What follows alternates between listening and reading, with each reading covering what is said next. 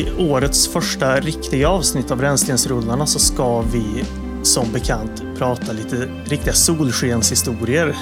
Eh, och vi som ska göra det, det är jag, Jonathan och med mig har jag som vanligt Andreas. Det var ju du som kom på det här temat. Jag vet inte om du eh, hur du kom på det. Och, för vi har ju, en av de här filmerna har vi ju faktiskt nämnt lite tidigare. Det kan vi ju komma in på sen. Jag kommer inte riktigt ihåg när det var vi pratade om Against All Odds. uh, jag tror att det var i samband... Av någon anledning så nämnde vi Phil Collins-låten. Jag tror att det var snarare den ingången. Ja, så kan det säkert vara. Jag tänkte också, eventuellt kan det vara något som har kommit upp när vi pratade om Jeff Bridges i uh, The Vanishing. Jo, men så var det nog. Ja, ja det, det stämmer. Det, och det var ju bara, apropå den här postern som jag tyckte mig känna igen och hade en väldigt, väldigt förutfattad bild av vad det, vad det var för film. Ja, men det är så, det är så vi jobbar. Det dyker upp som någon bara eh, löst sidospår i ett avsnitt med att ja, men den här posten påminner om den posten och sen i två ja. avsnitt senare så pratar vi om den specifika filmen. ja, ja, precis. Men eh, nej, hur idén uppkom. Eh, alltså jag har ju varit nyfiken på Against All Odds ganska länge. Mm. Ja, jag också. Och känt till den. Liksom. Men det har aldrig blivit av att se den. Och sen är det ju så här i vintertid så jag längtar ju efter sommar och sol och då är det trevligt att, att liksom titta på film eh, där man får lite av den varan när, när man inte får den när man går ut genom ytterdörren. Så, ja, precis. Eh, ja, vi har, ju, vi har ju en film med väldigt behaglig sommar och sol och en annan film med, med mardröms sommar och obehaglig. sol. ja, ja, behaglig precis. och obehaglig sommar och sol. Ja. Eh, Against all odds är ju också en ganska mörk historia på många sätt men, men den har inte samma liksom, emotionella tyngd och psykologiska djup som Waking Fright. Ganska långt ifrån faktiskt. Ja, jag, jag skulle, det, det, här ska vi såklart komma in på, men jag skulle ju säga att, att uh, att liksom, ja, nej, det, det kommer ju inte ens i närheten. Det är en ganska kul parning av filmer faktiskt. Uh, ja, Against all odds och Waking Fright. verkligen. Så ja, det känns lite udda att vi ska prata om dem i samma avsnitt, men men det var ju på temat solskenshistorier då, så, så tillvida så, så passar de ju bra ihop. Eh, ja, nej, men vi dyker väl in direkt på filmen då. Vi tänkte ju börja med Against all odds. Mm. Eh, och vi brukar ju ta upp lite hur, hur de här filmerna vi pratar om är rännstensrullar och i det här fallet så är det ju ganska självklart för jag undrar ju om det hur många som överhuvudtaget vet att Against all odds är en film. Nej. Eh, för om man, om man nämner den så jag tror väl att i stort sett alla vet att det är en låt av Phil Collins. Att det mer eller mindre är allmängods för majoriteten. Och googlar man på Against All Odds så säger majoriteten av träffarna för låten mm. och inte den här filmen. Så det känns som en väldigt bortglömd film med ett extremt eh, välkänt ledmotiv. Ja, det är en speciell omständighet. Alltså framförallt för att låten skrevs ju för att vara ledmotiv till filmen. Mm. Hade det inte varit för den här filmen så hade inte låten funnits. Åtminstone inte under titeln Against all odds. Nej, exakt. Så nej, det är väldigt speciellt att det är ett fall där eh, ledmotivet är enormt mycket mer välkänt än filmen. Eh, mm. Och också, om vi ska gå händelserna i förväg, tusen gånger bättre än filmen. Ja, ja definitivt. Definitivt. Tyvärr. Eh, ja, det får man säga. Det är ju, jag menar, både Phil Collins fick ju en, en riktig jävla eh, raketkarriär. Han hade ju en stor karriär redan innan det här. Det ska vi komma in lite grann på. Och jag menar, det gick ju väldigt bra för Taylor Hackford efter det här också. Men den här filmen föll ju, trots att den ju inte är så superbra så är det ändå lite överraskande att den har fallit helt i glömska. För den har jo. ju pusselbitarna som borde göra det till en en film som borde vara något mer ihåg, ihågkommen än vad den är. Jo, det är sant. Det är många kända skådisar i den. Och, mm. eh, den är liksom är en remake på en, en eh, gammal klassisk noirfilm, alltså Out of the Past och så vidare. Mm. Så nej, det finns många komponenter som gör att den borde vara mera ihågkommen. Den här har ju då 8000 loggningar på Letterboxd eh, och 13 000 loggningar på IMDB. Eh, det är ju väldigt lite alltså. Nu ska jag bara ta upp det för jag glömde att skriva ner eh, betyg. Eh, betyget på IMDB är 5,9 av 10 och eh, betyget på Letterboxd är 2,9 av 5. Mm. Jag tycker det, det är lite väl generöst faktiskt. Ja, det, ja, jag håller med. Eh, jag tycker att 5,9 känns ju ganska rimligt. Eh, mitt på. Ja, jag skulle nog... Jag, vilket betyg jag satt på den här kan vi ta sen, men jag, jag har i efterhand backat lite grann också. Ja. Så, men, men att den är ganska bortglömd blir ju tydligt genom de här loggningarna. Då. Ja, eh, Tomato Meeten, alltså kritikerbetyget på Rotten Tomatoes är 64 procent och eh, Audience Score är 45 procent.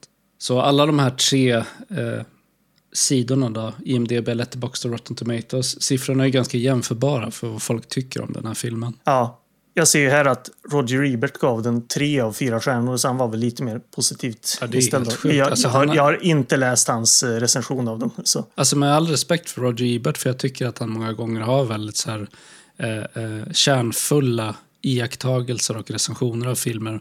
Men ibland så ger han så jävla konstiga betyg, eller gav så konstiga betyg. Ja, ja, verkligen. Att ge den här tre av fyra liksom, det är helt obegripligt. Ja, det, det är mycket möjligt att han har, har väldigt lysande resonemang för varför så är fallet. Men, men jag håller inte med honom. Han, var, han var spretig ibland. Han kunde ge riktiga, riktiga skitfilmer höga betyg och eh, riktiga kanonfilmer låga och så vidare. Det är ju det är i och för sig härligt, för då blir man ju som recensent också oberäknelig. Och att man kan vara lite Ja. så här contrarian och eh, argumentera för eh, en åsikt om någonting som kanske är mot strömmen.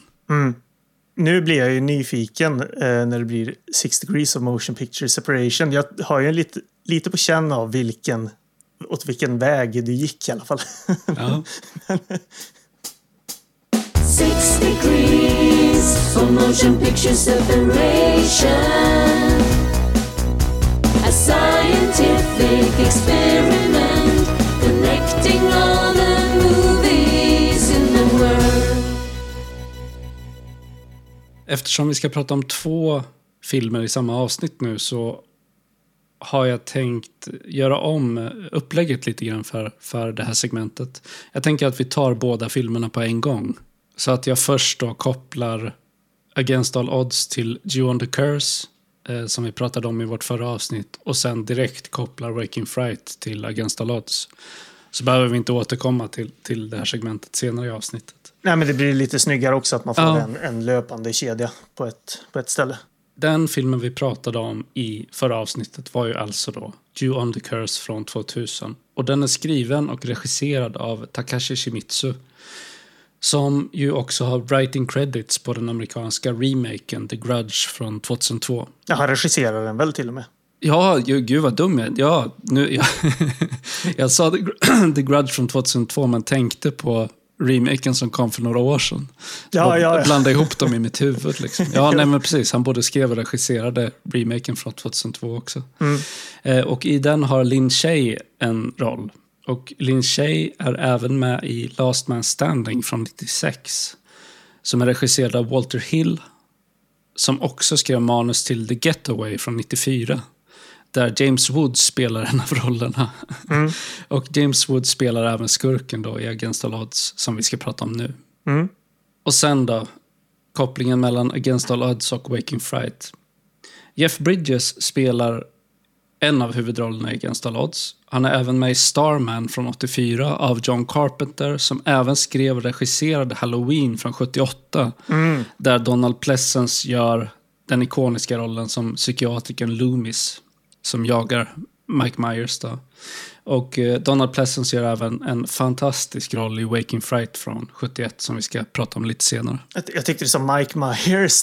Det är så kul. Ja, jag gjorde nog det. Kul så här. eh, Halloween blir ju en, en ganska hemsk film.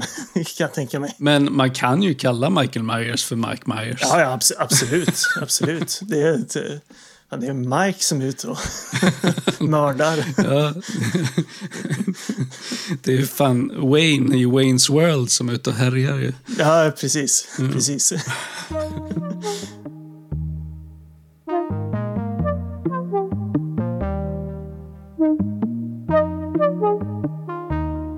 då ska vi gå in på Against All Odds. Eller Mot alla odds som den hette i Sverige. Och jag börjar med då att läsa en recension från Bonniers som vi faktiskt har den här gången.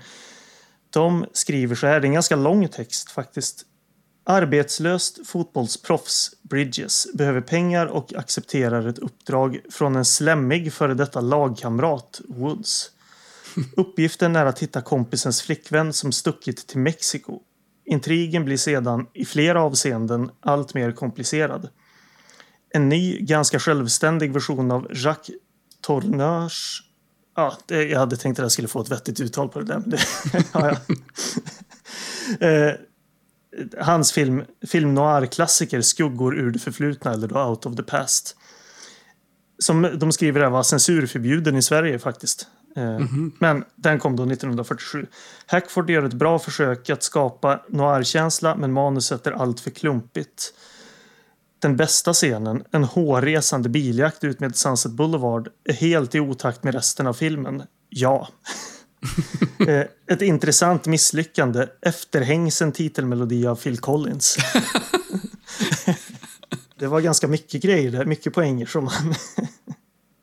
Eh, jag, jag fattar inte att, att James Wood spelar en före detta lagkamrat, men det, det kanske stämmer då i och med att han haltar där. Han har väl blivit skadad på något sätt. Då. Nej, det förstod inte jag heller. Nej, det, var, nej. det var flera roliga användningar av adjektiv i den där recensionen. De kallar James Wood för slemmig. Ja, Eh, Det är en ganska bra beskrivning av många av James Woods karaktärer faktiskt. det, absolut. Han har absolut. någonting slemmigt över hela sin, ja. hela sin uppsyn och, och framtoning. Och sen också, vad sa du, efterhängset ledmotiv av Phil Collins. Ja, ja, precis. Eh, eh, Det, Rolig, eh, roligt sätt att beskriva en låt på, att den är efterhängsen. de antyder ju att, att, det är något, eh, att det är något som... Att det känns lite onödigt. Att, att, eh, varför ska den hänga med? Liksom Mm. Att den lite på nåder har hängt med. Och det, det, ja, som vi har sagt redan, det, det är ju... Det är väl den, den, den som, han som gick vinnande ur hela den här produktionen var ju Phil Collins får man gissa. Eh, så, nej, men den här filmen är ju regisserad av Taylor Hackford som eh, jag inte hade sett någonting av innan faktiskt. Det var den första filmen jag har sett av honom. Men han känns ju lite grann som en, ja, men vad ska man säga, en Os- Oscars eller prestigeregissör lite grann. Han gör den typen av filmer som ofta eh, blir liksom Oscarsnominerade. Även fast han ju också har regisserat en del jag har skrivit profilrikt skräp. och det, det är såklart en officer och en gentleman som är hans, hans riktigt stora film. Sen har man ju Ray. Jag tror väl att Jamie Foxx vann en Oscar för den filmen. Har för mig det också. Sen Djävulens advokat. Men sen då har man ju en film som Parker med Jason Statham och Blood in, Blood out, Bound by Honor som vi ju har nämnt någon gång för ett par avsnitt sen. Eh, Jag köpte den på DVD också men har inte sett den än. Det är ju en av världens bästa, sämsta filmer. Eh, jag har sett den och sen har jag sett Djävulens advokat. Och Mm. eh, jag tror att det är de jag har sett av honom.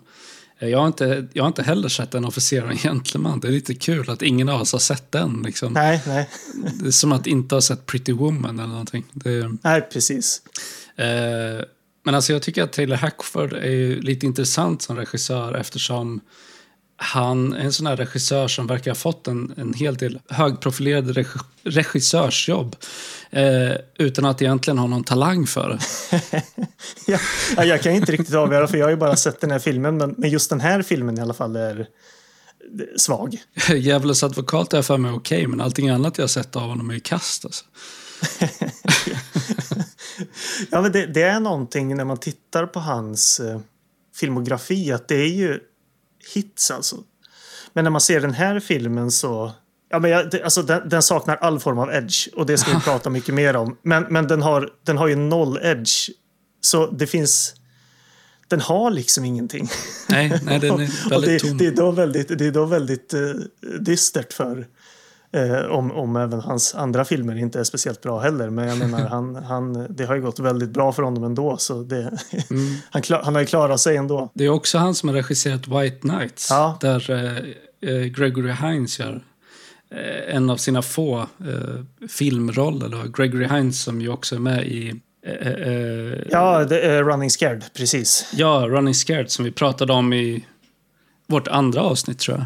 Ja, det, det kommer bli ett par referenser till, vårt, till våra tidiga avsnitt i, i, den här, i det här avsnittet. Ja. Eh, men det, just det, det var ju Gregory Hines och Baryshnikov, heter han väl? Ryska balettdansaren. ja, just det. Eh, det är de två. Mm. Ja, nej, men Taylor Hackford, jag vet inte. Det, det känns inte som en regissör jag, är sådär, jag kommer slänga mig på att se mer av. Nej, alltså jag tycker att vi, vi skulle kunna prata om Blood In, Blood Out någon gång eftersom Ja, ja, det ändå är en sån här film som många verkar tycka är, är bra på riktigt, vilket jag inte alls håller med om. Den är helt värdelös, men rätt kul för att den är så dålig. Det jag har förstått det som när jag har läst recensioner av de som tycker om den är att den är ju så pass lång så att det blir en upplevelse som, som slår över på något vis tydligen. När man kommer i, till filmens andra hälft. Att det går ifrån, sett till vad, vad andra har skrivit, att det går ifrån att vara något jävligt kast till att man, man liksom hamnar i det kanske på ett annat sätt. Men, men ja, den, den, ska jag se. Vi får prova att se, prata om den. Alltså det finns jättemycket att prata om med, med den. Sen då manus så har vi två namn. Då är det först Daniel Mainwaring, eller Mainwaring, jag vet inte riktigt hur man ska uttala hans namn, och Eric Hughes. Och då förstnämnda Daniel har ju såklart skrivit eh, filmen som, den, som Against All Odds är ja, men löst baserad på, får man säga, Out of the Past från 1947. Han hade även skrivit originalversioner av Invasion of the Body Snatchers, Ja. såg jag från 1956. Men jag stötte också på en film som jag såg i filmvetenskapen under förra terminen som han hade skrivit. Eh, The Hitchhiker av Ida Lupino som kom 1953. Den var riktigt bra, så den, den kan man absolut se. Jag tror att den går att få tag i. Ja, och Out of the Past är ju också skitbra. Ja, den, ju- den har jag inte sett. Jag, Nej, jag, det är en riktig noir-klassiker. Den är, det är en Ja. otroligt bra film med Robert Mitchum och Jane Greer. Jane Greer som också gör en roll i, i äh, Against All Odds. Då. Mm. Men eh, så jag, jag har svårt att se likheterna med den här filmen faktiskt. Annat, annat än på kanske ett väldigt ytligt plan. Jag behöver se om Out of the Past för att se hur den här ens är baserad på, det- på den historien. En lös tolkning kanske. Men, eh, men Out of the Past är skitbra, så den, den borde man se. Liksom. Eh, Men den här Eric Hughes, han hade bara skrivit två filmer och det är ju den här och White Nights som vi har nämnt. Eh, Sen så, om jag förstod det rätt, så hade han skrivit, alltså adapterade manuset till filmen Race the Titanic från 1980. Mm. Eh, det var ju en Clive Cussler-bok från början såg jag. Så han har väl då skrivit kanske manusbearbetningen till den filmen. Då. Men han hade inte gjort något annat så vitt jag kunde se annars. Och alltid märkligt med de där som ändå skriver ganska stora projekt och sen bara försvinner. Jag vet inte. Ja, jag kollade inte upp hur gammal han var, men man skulle ju kunna eh, tänka sig att det här eh, var hans första riktiga stora jobb och att det sen bara sket sig för att det så, blev en så jävla dålig film. så han fick inga fler uppdrag. Liksom. Jag vet inte. Ibland kan det dyka upp fler grejer på IMDB, men, men i det här fallet så var det, nej, det var de här tre som, som var, hans, var hans grej. Ja, det är lite lustigt. Men foto så ser vi Donald E. Thorin. Och han har ju fotat ett eh, antal riktiga klassiker. Purple Rain, Scent of a Woman och Midnight Run. Och även En officer och en gentleman. Eh, men jag kan ju nämna också Bad Boys med Sean Penn. Som är då inte Bad Boys utan den första Bad Boys som släpptes 1983. Som är riktigt bra. Eh, han fotade även Lockup med Stallone från 89 som är riktigt bra. Eh, men framförallt då så fotade han ju Michael Manns Thief från 1980 som, som ju en, är en av mina riktiga favoritfilmer. Mm. Rör sig i min topp 10 skulle jag säga. James Caan i stor form. Absolut, den filmen är otrolig. Och eh, fotot gör ju väldigt mycket eh, i den filmen. Så, så ja. Jag såg att han också, ett av hans tidigaste jobb var som kameraoperatör John Cassavetes film Minnie och Moskowitz. Jaha, okej, det missade Från jag. 71. Som vi pratade om i avsnitt 16. Kvalitetssäkrad finfilm. Ja, precis. Det är en av mina favorit eh, tematitlar faktiskt på Ja. våra avsnitt. Jag Tycker den är Den, rolig. den får vi plocka upp någon gång under det kommande året. Musiken står eh, Michel Colombier för. Eh, och Larry Carlton. Och eh, Colombier då, han hade en rätt eh, spretig verksförteckning. Han hade gjort musiken till då Purple Rain bland annat. Alltså den musiken som inte Prince skrev då, antar jag. Sen New Jack City, Barb Wire, men även då En flick. Det kanske jag fixar bättre då. Jean-Pierre Melville-filmen från någon gång i tidigt 70-tal. Så han, jobba, han är ju fransman så han jobbar väl en hel del i Frankrike innan han började göra musik i, i Hollywood. Då. Eh, de två filmerna som sticker ut för mig som han hade gjort musik till är dels filmen Cop från 1988 med just James Woods i huvudrollen. Eh, som var en eh, lite för lång men som jag minns det väldigt härlig och, och kul så här, seriemördar eller Cop on the loose thriller Okej. med då James Woods även där i, i rätt, rätt bra hög form som en, som en så här, galen och ja, polis som, som sträcker sig utanför lagen. Då. så den är sevärd. Men han har ju, Beard har ju också gjort musiken till Deep Cover från 1992 av Bill Duke som jag älskar. Det är, filmer blir knappt coolare än så. Och eh, jag undrar ju om, om Larry Fishburne någonsin har varit hårdare än i den filmen också. Men Larry Carlton, han är gitarrist såg jag och han hade varit studiomusiker åt både Steely Dan och eh, Joni Mitchell bland rätt många andra.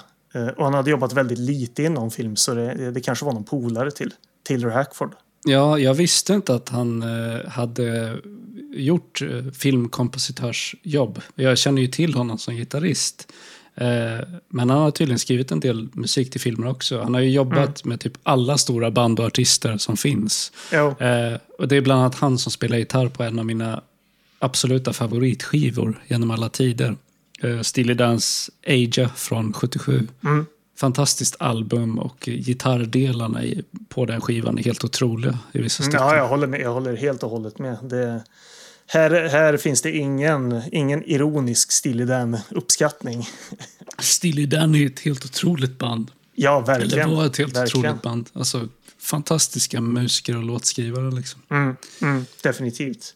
Sen i samband med musiken, vi, vi, då måste man ju såklart... Ja, Phil Collins ledmotiv har vi ju pratat om och det hamnar ju etta på Billboards topp 200-lista och blev Phil Collins första USA-etta. Eh, och låten vann även en Grammy och Oscars nominerades. Eh, så det var ju stor succé framförallt för den. Lustigt nog så dyker ju även Mike Rutherford och Peter Gabriel upp på den här filmens soundtrack med egna låtar. Så man har ju den, de här tre Tänkte inte jag grundpelarna. på. Nej, det, det, alltså, de, låtarna dyker ju upp i här klubbscener och så, så det är inte alltid det är så tydligt att det är. Men man har ju Genesis tre grundpelare, dyker alla upp här eh, på det här soundtracket. Ja. Men vad är det för låt av eh, Peter Gabriel? För han är ju en av mina husgudar. Eh, Walk through the fire, jag vet inte om det är Ah. någon låt som är med på någon av hans skivor. Eller om det var något som... Jag, jag tyckte jag hörde hans röst. Men jag tror att den spelades i någon av de här klubbscenerna. Den släpptes som, den släpptes som en singel 84 för den här filmen. Okej. Nej, men så det, det är rätt många kända. Man har ju Biggie Country på, på soundtracket också som också är ett bra band. Så, så Alltså musiken överlag i filmen är ju, är ju det bästa med filmen. jo, verkligen. Eh, det får man säga. Sen då skådespelarna. Vi ser ju Jeff Bridges som Terry Brogan och vi har ju väldigt nyss pratat ganska mycket om Jeff Bridges i avsnitt 29, Spårlöst försvunnen 2. Eh, där vi pratar om The Vanishing då. Så vill man höra lite större diskussion om Jeff Bridges så kan man lyssna på det avsnittet. Även det är en sån här pissdålig remake på en fantastisk film. ja, ja, ja, precis. Jeff Bridges har varit med i många dåliga remakes verkar det som. Ja, Eller två i alla fall. Den, The Vanishing var ju en bit in på hans karriär. Eh, det här var ju ganska tidigt i hans karriär. Han hade ju varit med i mycket filmer innan den här. Men Starman kom ju samma år som du nämnde förut och Jagged Edge kom året efter. Så det känns ju som att han, han var lite på gång men, men eh, inte riktigt var där än så att säga. Han är ju, alltså han är ju jävligt snygg i den här filmen. Han är ju spektakulärt snygg. Ja, han är hunkig liksom. Jag, jag tänkte på det, att det var en sån där omvänd glow-up han gör i, inom rännstensrullarna. Kanon då, i och med att vi går från The Vanishing tillbaka till den här. Ja, där han bara är fu- ful och konstig. Ja, och sen i det här så är han sån jävla hank. Och fram, alltså Ja. framförallt han och för Rachel Ward är ju också såklart skitsnygg. Liksom. Mm. De två tillsammans, vilket jävla snyggt par. Alltså. Ja, ja, verkligen. verkligen. Helt sjukt. det kanske var det som var, var den här filmens stjärna, förutom Phil Collins eh, ledmotiv. Det var en, en snygg Jeff Bridges. Ja. Tänk, tänk om man bara kunde stå sådär med öppen skjorta och vara sådär jävla snygg. Alltså, det känns som att livet skulle ha varit så enkelt. Vissa saker får man inse att man kommer aldrig fram dit. Tyvärr. Men du nämnde ju Rachel Ward där. Hon spelar ju då eh, den andra huvudrollen i den här filmen. Eh, som, som Jessie Wyler då. Det är en brittisk skådespelerska som kul nog framförallt var verksam i just Australien som vi eh, ganska snart ska prata om. Hon hade ju inte skådespelat i jättemycket dock. Det var väl ett 40-tal filmer eller något sånt där. Hennes högsta billing var som en röstroll i filmen Peter Rabbit från 2018. Mm. Men hon hade ju varit med i ett par andra filmer. Dead Men Don't Wear Plaid till exempel från 1982. Ja. Den har jag sett. Jag tror den heter typ eh, Döda män klär inte i rutigt på svenska. Ja, det är ju med är en- Steve Martin. Det är en Carl Reiner-film. Liksom. Ja, precis. Det är väl en, en pastisch på noirfilmer. Ja, exakt. Ja. exakt. Jag har för mig att den är rätt kul, men jag vet Mm. inte. Eh, och sen, eh, men jag, jag såg ett par andra filmer i hennes eh, filmografi som, som ändå såg kul ut. Dels Night School från 81, 81 Mm. och sen Fortress från 85. Ja, det, Fortress kände jag till sen tidigare och den har jag skrivit med här också. Den är jag väldigt sugen på att se. Ja. Det är alltså inte Christopher Lambert-filmen från nej, nej. typ 92 utan det här är ju en australiensk film eh, från 85.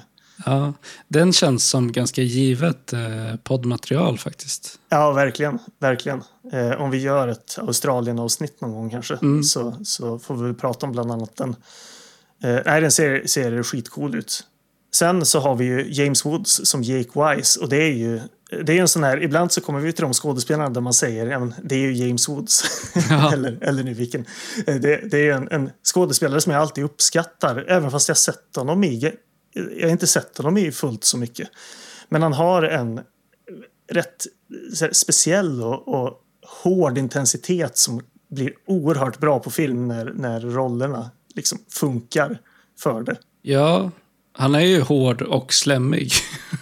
Ja, ja precis. Men han är rätt obehaglig alltså. Ja, ja, han, han är den här typen av skådis som jag liksom misstänker att han är lite sån där eh, privat också. Jag har ingen aning, men det, det är bara en känsla jag har. Att han är så här lite obehaglig. precis. Han, eh, han har en speciell och ganska eh, en, en lite märklig intensitet som, som gör sig bra på filmen. Precis som du säger så, så får man intrycket av att han, han kanske kan vara lite, eh, lite intens på riktigt också. ja, ja. Men vi, det, här måste man ju såklart nämna Videodrome som, som vi såg i filmvetenskapen bara för någon vecka sedan faktiskt. ja, vad kul. Eh, den är ju otrolig. Ett mästerverk helt enkelt. Det, den är otrolig alltså. Ja, den och den rollen är ju skapad för James Woods får man säga. Eh, men han har ju varit med i Virgin Suicides, Once upon a time in America. Eh, Vampires av John Carpenter och The Hard Way såklart som vi pratade om i vårt allra första avsnitt. Ja. Där var han bra som jag minns det. Absolut. Där, han, han kommer ju till sin rätt där med att han får spela galen och, Ja. och eh, liksom, eh, neurotisk. Ja, exakt. Det är många, många roliga scener. Bland annat så finns det den där scenen eh, när han typ sparkar sönder en eh, cigarettautomat. För att Ja, just den det. tar hans mynt utan att ge honom några cigg. Liksom, så han, han, han kickar sönder automaten. Ja. Den är bra. Den, det, är, en av många filmer vi har pratat om som jag är sugen på att se om. Ja, Sen så finns det ett, ett gäng skådespelare som är värda att nämna med, som jag ska snabba mig igenom lite. Alex Karras ser vi som Sully. Eh, han har skådespelat en del men framförallt så var han idrottsman och har spelat både amerikansk fotboll och wrestlat så vitt jag förstod det, om jag förstod det rätt. Eh, sen ser vi då Jane Greer som du har nämnt som Mrs Wilder och hon var ju med Out of the Past och ja, men en hel drös andra noirfilmer. Jag vet inte om du har sett den i något annat men hon verkar en typisk klassisk Hollywood-skådespelerska. ja exakt. Och detsamma gäller för Richard Widmark som spelar Ben Caxton. Eh, som har varit med i Murder on the Orient Express, eh, Night in the City och så vidare. Eh, sen Dorian Harewood som Tommy. Och jag kände inte riktigt igen honom sen tidigare men han spelar en roll i Pacific Heights som vi diskuterade i avsnitt 7, Yuppies i fara 2. Jag tror det är andra gången vi stöter på Pacific Heights så här i efterhand. Eh, Men han har varit med i Full Metal Jacket, Sudden Death och William Friedkins ny version av 12 Angry Men och sen eh, flera andra filmer. Eh, Sen skådespelaren Swoosie Kurtz som Edie och det är nog ett ansikte som jag tror många känner igen. Jag kunde inte riktigt pinpointa vad hon har varit med i men hon har, har varit med i jättemycket film och tv.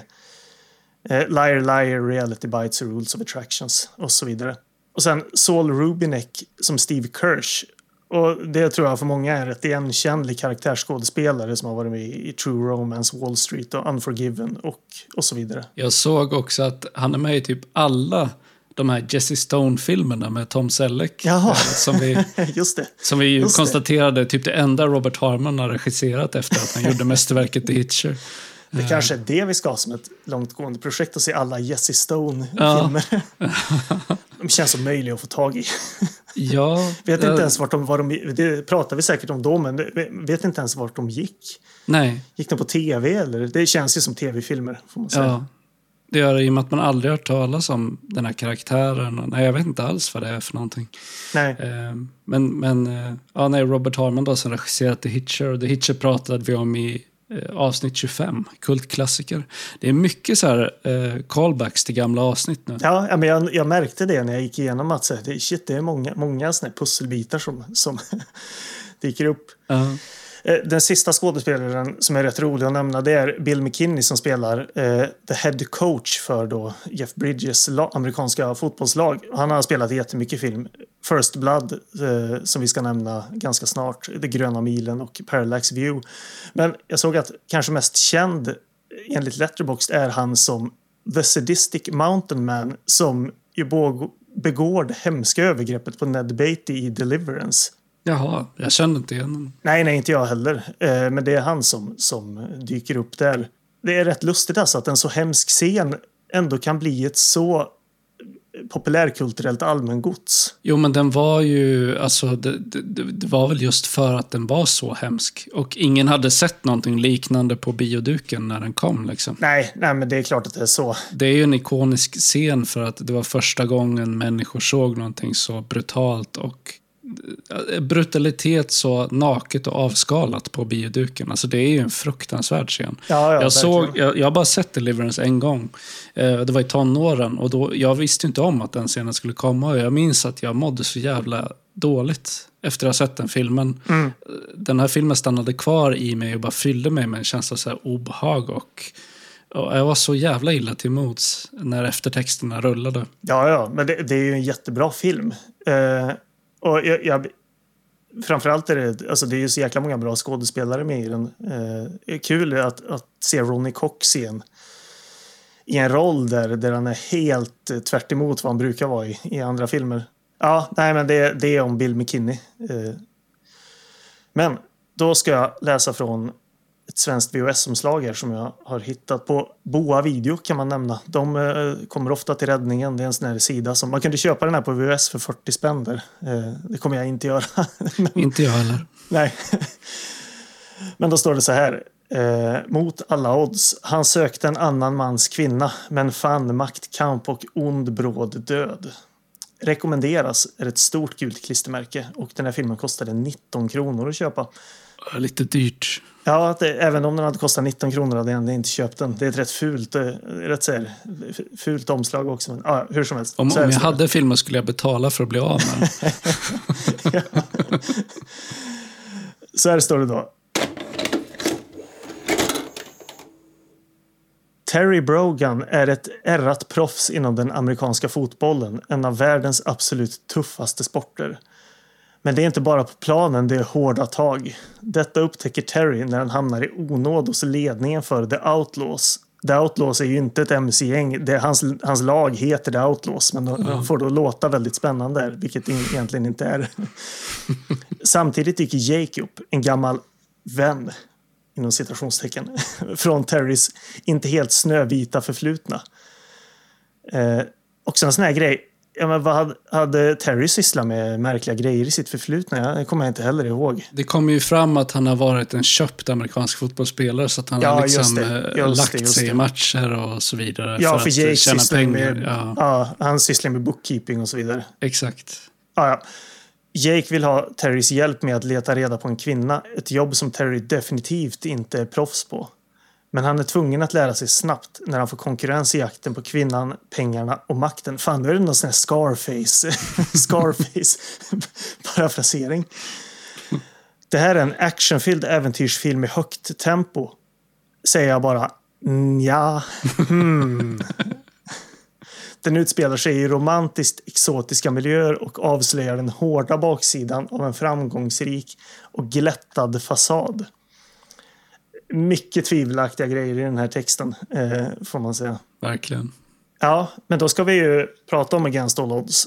Eh, Den här filmen börjar ju med då Jeff Bridges, den extremt snygga Jeff Bridges som eh, åker runt. Det visar sig vara Mexiko då. Eh, och han söker efter en kvinna märker man. Som är på bild med James Woods. Och efter det får man ju en flashback. Man får ju veta här att, att Jeff Bridges spelar amerikansk fotboll. Och vad, vad tyckte du om den här? Så känns det trovärdigt? Nej, alltså man, det är som att man kunde inte ha hittat på en tråkigare backstory till den här karaktären än vad man har gjort. Alltså Nej, vad som nej. helst förutom det här. Liksom. Det är så jävla tråkigt och ointressant. Ja, men och jag tänkte så här, men hur gammal är Jeff Bridges? Alltså, är, det, skrev, är det någon sån här korpen amerikansk fotboll han sysslar med? Nej, men det verkar ju vara mycket pengar i det, så han ska ju vara professionell amerikansk fotbollsspelare. Men det är extremt svårt att, att liksom köpa honom som, som det är. Ja, för jag tänkte, är det, ett, det kan ju vara ett case av att yngre människor alltid såg äldre ut på film för. Och jag kollade upp det, han var ju mellan 34 och 35 här. Då t- blev jag så här, men vänta nu, ja, han är ju ändå typ på toppen av sin karriär här, men så, så, så vitt, nu kommer mästaren på, på sport här. Jag kan ingenting om sport överhuvudtaget, men jag har ändå förstått det som att när man är 35 så är man väl mer eller mindre eh, eh, pensionerad inom professionell sport. Jo, men det är ju, det är ju ett av, av eh, temana i filmen också. Att han, Att han är, har skadat sig. Annars, ja, han är gammal. Liksom. De kallar ju honom för Old Man i laget där i början. Och han har, han har, ska ju ha haft en lång amerikansk fotbollskarriär bakom sig. Och var lite på dekis så. Men han, han vill ju till varje pris liksom behålla sin plats i laget. Mm. Tränaren tvingar honom där att här, springa och tackla en typ dummy för, för att Ja. han ska bevisa att ja, men hans axel pallar, pallar trycket för han har ju varit skadad. Liksom. Så gång på gång så får han kasta sig in i den här eh, dummyn med axeln före. Ja, ja exakt. Jag, jag tänkte också om han var 34 eller 35 här. Vi är ju båda på, på båda sidorna om 34 eller 35. Men, men just gällande den här hunkigheten så kände jag att man, ja, det, det här, det, Men det innebär ju att du har ju fortfarande chansen. Liksom. Jag är ju Ja, för jag är gammal för... i och för sig. Jag vet inte hur det ska kunna gå till bara. Det, det känns, det, kän, det känns dystert där. Jag har, eh, jag har tre år kvar. Till att, kan, kan du se transformationen framför dig? Jag drar på något härligt montage bara så ska du se att det löser sig. Ja, jag får börja med att springa i slow motion på stranden. Och, Ja. och, ja, nej, nej, jag, jag får inse att jag har valt den akademiska banan. Men eh, nej, det, det, jag skulle ju faktiskt säga att det är ju den här första snotten av filmen som är den roligaste. Eh, som det finns mest kul grejer att att prata om. Han blir ju petad från sitt lag där då, och han kör ju iväg en klassisk yuppie-Porsche får man säga. Solbrillorna på och sen bara backar han ut Ja, i alldeles exakt. för hög hastighet och bränner blåser iväg. iväg. och han träffar ju James Woods då också. Eh, I vita linnebyxor på stranden. Eh, Mm. Så det, nej, det, det är starka, det är starka yuppie-vibbar här. Mm. Jag blir återigen påmind om att vi måste prata om yuppies i fara. mer någon gång framöver. Jag tycker att James Woods kommer in i filmen på ett, ett sätt som är så väldigt passande för just James Woods. För den första repliken han har är att han skriker efter sin hund. Ja. Så han skriker typ bara Sam! Eller någonting liknande. Det är så här, det första man får se av honom. Man säger, ah, okej, ja men där är James Woods ja. Ja, precis. Eh, James Woods har en ännu snyggare bil. Eh, En svart Ferrari. Jag, jag undrar, det här glömde jag bort att kolla upp, men jag tror att det här är samma bil som förekommer i första säsongen av Miami Vice. Innan de fick, eh, eh, fick den här vita, vita Lamborghinin, tror jag att det är, som de kör runt i. Miami Vice är väl typ sam, samtida med den här filmen, är inte det? Jag kom på nu, har vi ens nämnt när den där släpptes? Det, Den kom ju 84. 84. Ja, precis. Och som jag minns nu så kom första, första säsongen av Miami Vice 84 också. Så, ja, men verkligen så. Eh, Det var säkert den hetaste bilen man, man kunde ha det året. Då. Ja, men verkligen. Det, jag tror inte det tog många sekunder innan Miami Vice blev, blev riktmärket för väldigt, väldigt mycket inom populärkultur och stil. Sen kommer ju den här biljakten och de racear tillbaka in till stan. Eh, den är ju ganska bra ändå. Absolut, alltså sett till vad ska man säga, actionscenerna i filmen så är det här den absolut bästa. Det var en ganska väl regisserad eh, Ja, bilracing-scen. vad som också slog mig här är ju att så här, jag, jag satt och tänkte, men vad är det här för film? ja, det är så, som du säger med det här helt värdelösa backstoryn. Ja, men, han är amerikanskt fotbollsproffs. Det är, det är så otroligt ointressant. Ja, Jag skiter fullständigt i hans karriär. Liksom. Och det känns som att den, den, och det, här, det är det här jag undrade lite med eh, Taylor Hackford-kopplingen. Eh, och det här, det här gäller resten av filmen som vi ska komma in på. Det känns som en eh, så kallad pappafilm. Eh, I att den, det är en sån där film man kan se halv sex en söndag eftermiddag och eh, eh, ja, men det är inte så mycket, men, men den, alltså, den har ju en stämning. Men, men det är så, den har liksom ingenting och det är ett problem här i början för man fattar liksom inte vad, vad det är för film. Nej, men alltså, det är ju så jävla dumt. Varför ska han vara en amerikansk fotbollsspelare? Det hade varit mycket bättre Ja. om de hade gjort honom till en före detta kriminell som försöker... Han har lämnat den kriminella världen men nu liksom dras han tillbaka in i, i skiten av James Ja. Woods som skickar honom för att hämta den här kvinnan eh, i Mexiko och sen liksom... Men var, varför den här konstiga backstoryn med att han är amerikansk fotbollsspelare? Det liksom makes no sense. Nej, nej. Eh, Alltså du som har sett Out of the Past, är den här setupen med att, att mannen X blir inkallad av mannen Y för att jaga rätt på en kvinna, är det, är det detsamma? Är, är den liksom... Jag minns ju inte riktigt. Eh, Nej. Jag, det är så länge sedan jag såg den. Jag kommer bara ihåg att jag tyckte att den var väldigt bra. Mm. Eller om man bara är en så här ex-con som, som försöker starta ett nytt liv på ny ort Mm. och sen... Jag kommer inte ihåg riktigt. Nej. Nej, men alltså sen, sen så... Han kommer ju då till James Woods som har en bar. Eh, tydligen. han, han är ju någon, någon slags... Han håller på med skumraskaffärer. Han har ju sysslat med bookkeeping och ja, han, han är, jag, det minns jag inte, han är ju sliskig då som de har uttryckt det på vissa ställen. Men han vill då hitta en kvinna, the knife lady som Jeff Bridges säger. Man får aldrig en förklaring till det där, varför de kallas för the knife lady tror jag. Jo, jo, men alltså det, det som har hänt är ju att eh, James Woods har ju misshandlat henne och då har hon skurit honom med en kniv. Ah, ja, ja, du ser. Ja, nej, man, man hade tappat fokus redan här kanske. Eh, Men ja, hon har ju stulit pengar. Hon är dotter till ägaren av Jeff Bridges fo- fotbollslag. Ska ju tilläggas. Här någonstans börjar ju handlingen bli onödigt invecklad och krånglig. Ja, som där, vart kommer den här eh, Rädda Bergen-gruppen in i handlingen? Ja, nej men, det är ju att de här som ägarna till fotbollslaget, de har ju som någon slags sidoprojekt att de också ska eh, förstöra ett bergsområde och bygga Ja. en massa eh, lägenhetskomplex och så Också en vidare. helt så här, värdelös plotpoint som inte leder någonstans. Men, och här då ska ju, får han ju då uppdraget av James Woods. En sån här nitpicky grej jag tänkte på är eh, Jeff Bridges får en eh, öl, alltså dricka en Guinness. Och så, ja, han korkar inte upp den men han, han eh, knäpper i kapsylen och den här börjar skumma. Och då ska han torka den här flaskan. Då torkar han av toppen på flaskan och han torkar av bardisken under. Men han torkar inte av flaskan, det gegget som man vet att man blir alldeles klibbig av. Och det är så här, men eh, varför torkar han inte av flaskan som en normal person? Eh, men ja, han går med på det här uppdraget. Han söker också upp Mrs Wilder som ger Jeff Bridges ett annat förslag för att hålla James Woods borta från dottern som han avstår. Eh, Och sen så eh, följer resten av filmen. Ja. Alltså jag vet inte i vilken mån vi ens ska bry oss om att beskriva handlingen i så stor detalj för att den är ju så jävla ointressant. Liksom. Nej, för det, ja, vad jag tycker är intressant med handlingen är att ja, dels då så får man ju det här lilla sidospåret med Save the Mountains som är... Ja, men det, det, man, det är ju hela den där trötta grejen att Jeff Bridges han ställer till en scen, han är finished liksom. Säger you're finished, du kommer aldrig spela fotboll igen liksom. Och så blir han ju varnad av sin då gamla tränare för att han, han ska inte jobba med James Woods. Det känns som en sån här tonårsfilm liksom. Vi ska, inte Håll dig borta från honom. Ja, Han är inte bra för dig. ja men precis. Det, Han leder dig ett på fel banor i livet. Exakt. Men den skillnaden då att Jeff Bridges är så här 35 år gammal man. ja, exakt.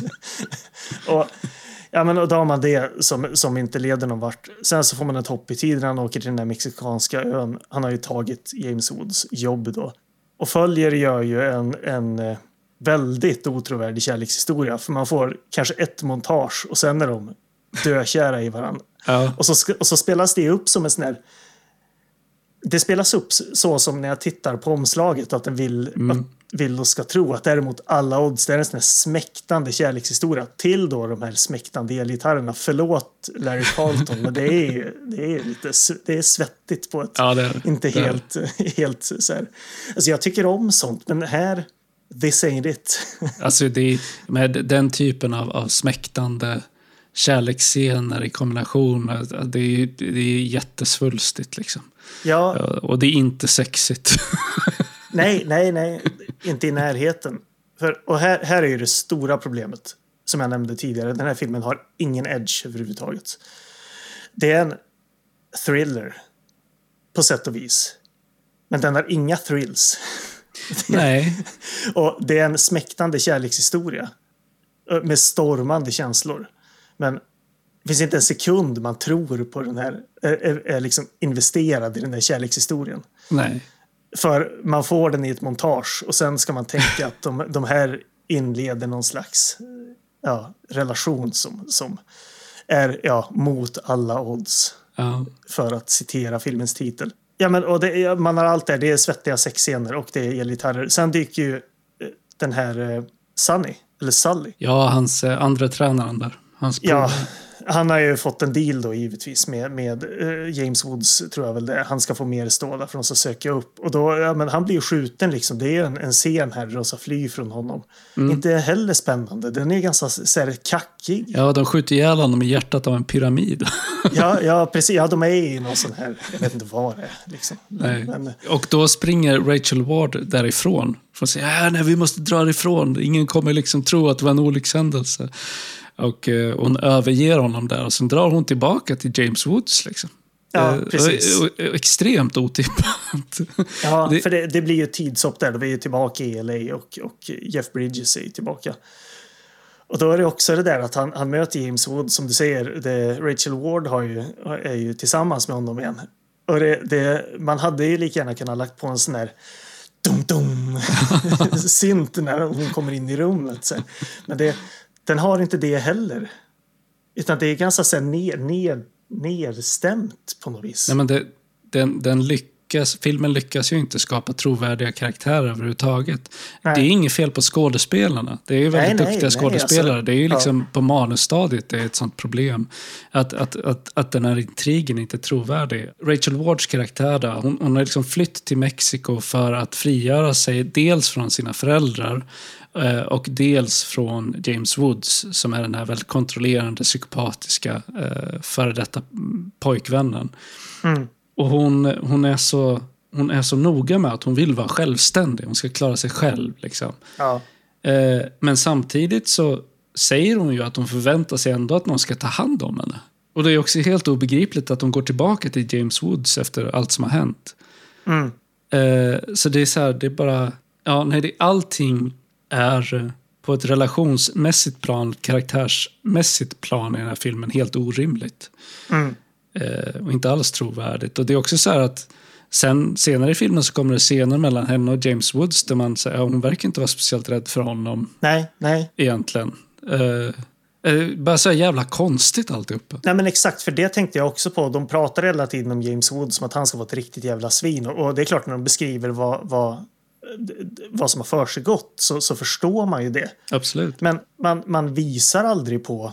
Det framstår ju aldrig när man tittar på honom som karaktär i filmen att han skulle vara speciellt obehaglig eller hemsk. Nej, att han är farlig liksom. Nej, men, men allt de säger om honom antyder ju att han är det. Att han är jättefarlig, galen liksom. Och han säger själv till henne så här, du får inte dra från mig, du, du får inte lämna mig så här. Men samtidigt så verkar han ju inte överdrivet orolig över att faktiskt göra det. Nej, nej det precis. Ja, Jag, jag fattar inte, jag, jag får inte ihop det bara. Det är hela tiden det här att man, man vill vara man vill vara en thriller men man vågar inte vara en thriller. För Nej. det kommer ju någon slags liten spänningsstory här. För det kommer ju en... en, en ja, jag orkar knappt hänga med i vad, vad det handlar om. Det, det, är nog, det, det, är nog hemliga uppgifter om bookkeeping som, som eh, någon advokat har. Som då Jeff Bridges ska, ska åka och hämta. Eh, och eh, då är den här advokaten, jag tror att det är han som Saul Rubinek spelar, han är ju mördad där. Men det blir ingenting av det heller, för det blir någon slags standoff sen mellan då Caxton, ägaren av fotbollslaget, James Woods och, och Jeff Bridges. Ja, när, när Jeff Bridges eh, gömmer sig i buskarna och springer Ja. omkring. Men, och det är så här, ja, men det blir ingenting av det. Nej. Och, så, och det, här känner jag bara att, jaha, det, that's it. Är det här som är against all odds? Ja. Ingenting. Nej, alltså det, det det är tror jag är att man har försökt skriva en modern noirfilm, alltså en neo-noir-film. Och Mm. eh, återkommande i noirfilmer är ju just att de innehåller väldigt många förvecklingar, oväntade vändningar. Det ska vara invecklade handlingar med många avslöjanden, dubbelspel och så vidare. Men att det bara är väldigt misslyckat i den här filmen. För man skiter i allt. Alltså man skiter i karaktärerna, man bryr sig inte om handlingen. Det är liksom inte en spännande... Nej. Eh, det, det är inte ett spännande syfte som Jeff Bridges har, att han liksom slits mellan eh, att, att, eh, sin kärlek till eh, Rachel Ward och, och det här med att han till varje pris vill spela fotboll igen. Man så, fan, kom igen. vad, vad, vad är det här för anledning att, att liksom ta de här väldigt amoraliska valen eh, bara för att du vill spela lite fotboll igen? Eh, nej, exakt. Ja, det finns saker jag tycker om i den här filmen. Och det, jag, jag är väldigt förtjust i den, den kanske lite löst formulerade genren cocaine noir. Vilket ja, är ja, men noir-filmer eller noir-handlingar som är stöpta i eh, 80-talets excesser. Kan man, väl, kan man väl säga. Vi har ju pratat om flera sådana filmer i, i podden också. Alltså till exempel Bad Influence. Ja, absolut. En, en otroligt ju- bra neo-noir-film. Det är ju en neo-noir. Den är skitbra. Liksom. Det visar på hur man gör, det, gör den här typen av filmer på riktigt. Ja, för den här filmen, Against All Odds, den har ju snygga omgivningar. Den Ja. har Los Angeles-natt, neon och sportbilar. Snygga kläder, snygga människor. Men den saknar det som gör de här neo-noir eller cocaine-noir-filmerna bra. Och det är ju att de har stunts. Ja. Det är tryck i dem. De har en edge. De, de har någonting som gör att de sticker ut och blir spännande och hårda eller bara intressanta. Men den här, det är som du säger, det här kanske drar mer då åt... Jag, den, den, jag har ju sett väldigt lite noir. Det kanske är många som skulle säga, jag vet inte ens om den här är en bra noir-film.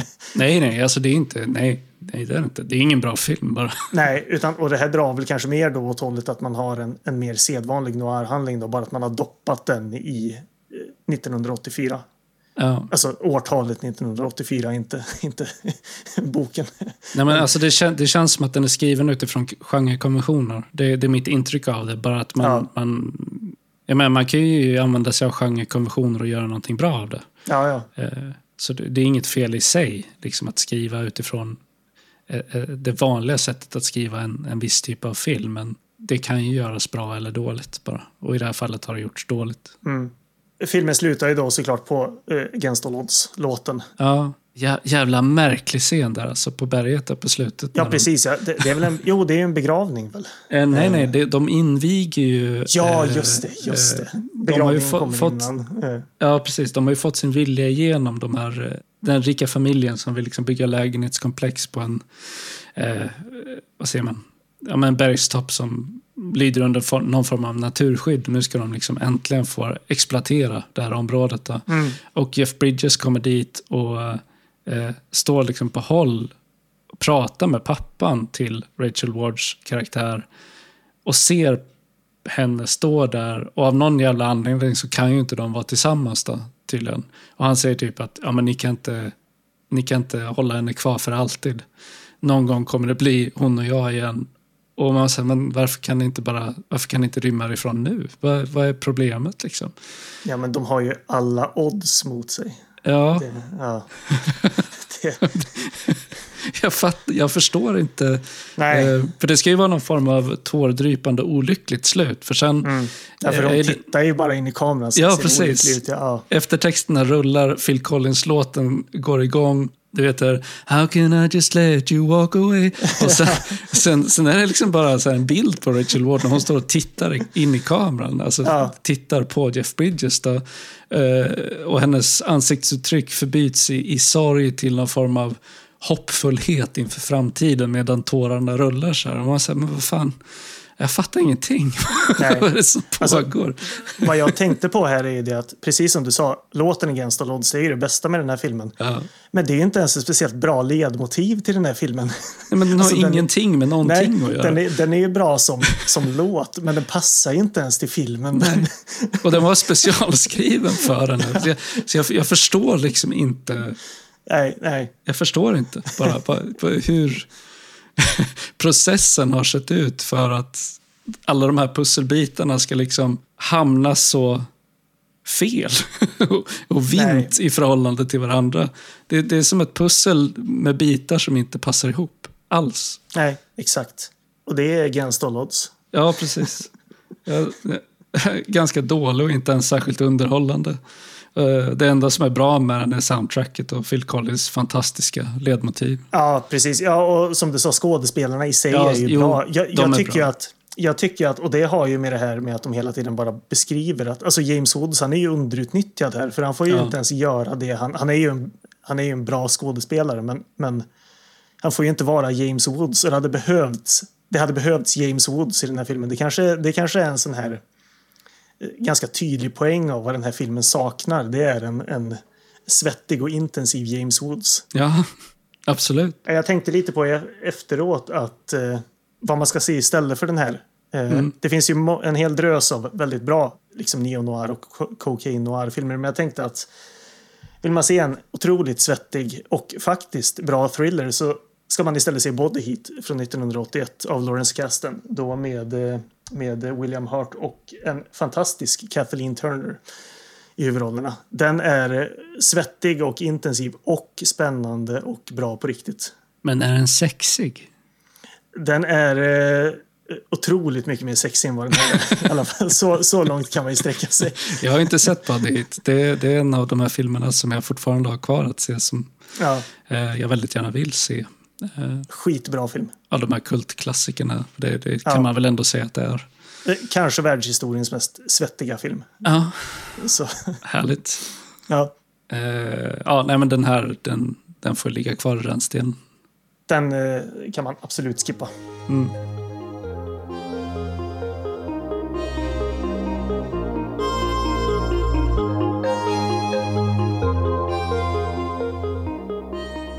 Nu när vi ska gå över till nästa film då så kan jag bjuda på en ljudmässigt kompatibel övergång här.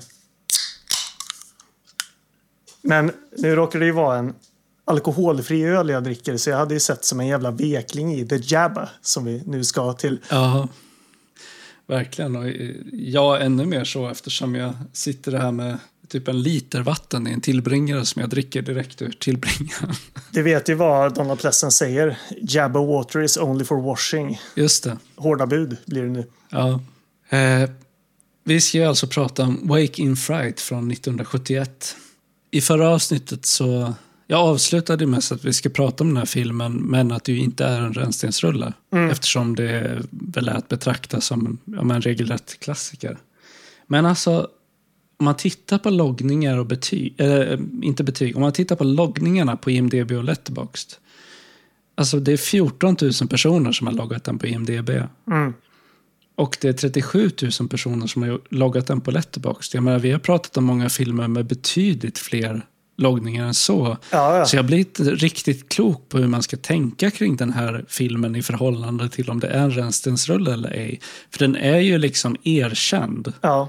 Men vad fan, det verkar ju inte vara så många som har faktiskt har sett den. Nej, och grejen är att när vi pratade om det, det var innan jag hade koll på att den här faktiskt under en väldigt, väldigt lång period var försvunnen. Precis. Jag har ju också alltid tänkt på den här filmen som en erkänd klassiker och det, det är den ju, får man ju säga. Men jag hade ingen koll på att den ju har blivit en erkänd klassiker mer eller mindre från mitten av 2000-talet Nej. och framåt. För den var ju väldigt länge helt försvunnen. Det, jag tror att det står på Wikipedia att den såg som en av Australiens Great Lost Films under 90-talet. Mm. Det, fi- det finns ju ett begrepp för det. Det kallas ju för eh, förlorad film. Ja, precis. Eh, jag tror att det fanns något print, men de var i så otroligt dåligt skick. Sen var det någon rätt känd filmhistoriker och då ja, restauratör kanske man kan säga. Jag kommer inte ihåg vad han hette nu. Eh, men som hade jobbat väldigt hårt för att hitta den här filmen. Och eh, eh, i ett stort gäng rostiga burkar i ett lager i Pittsburgh så hittar de ju Waking Fright under titeln Outback som den hette i USA. Och enligt historien då så stod ju de här burkarna också på en hylla märkt For Destruction. Ja. Så hade de, jag tror att de, jag såg lite grann av en kort dokumentär som var med i, på stället där jag såg filmen. Och de sa väl där att hade de kommit en eller två veckor senare då hade Waking Fright förmodligen knappt existerat vid det här laget. Men de hittade ju då en, en bioversion som var i ett väldigt fint skick. För filmen i de här rostiga burkarna var ju i ett jättefint skick tydligen. Jag tror, nej, jag läste en, en, recension, eh, en intervju med eh, Ted Kotcheff. Mm. Och alltså den som hittade den här printen, vilket jag förstår var liksom originalfilmen. Mm. Eh, alltså den faktiska fysiska originalfilmen var, var klipparen, alltså filmens klippare. Ehm, Jaha, ja så kanske det var. Anthony Buckley.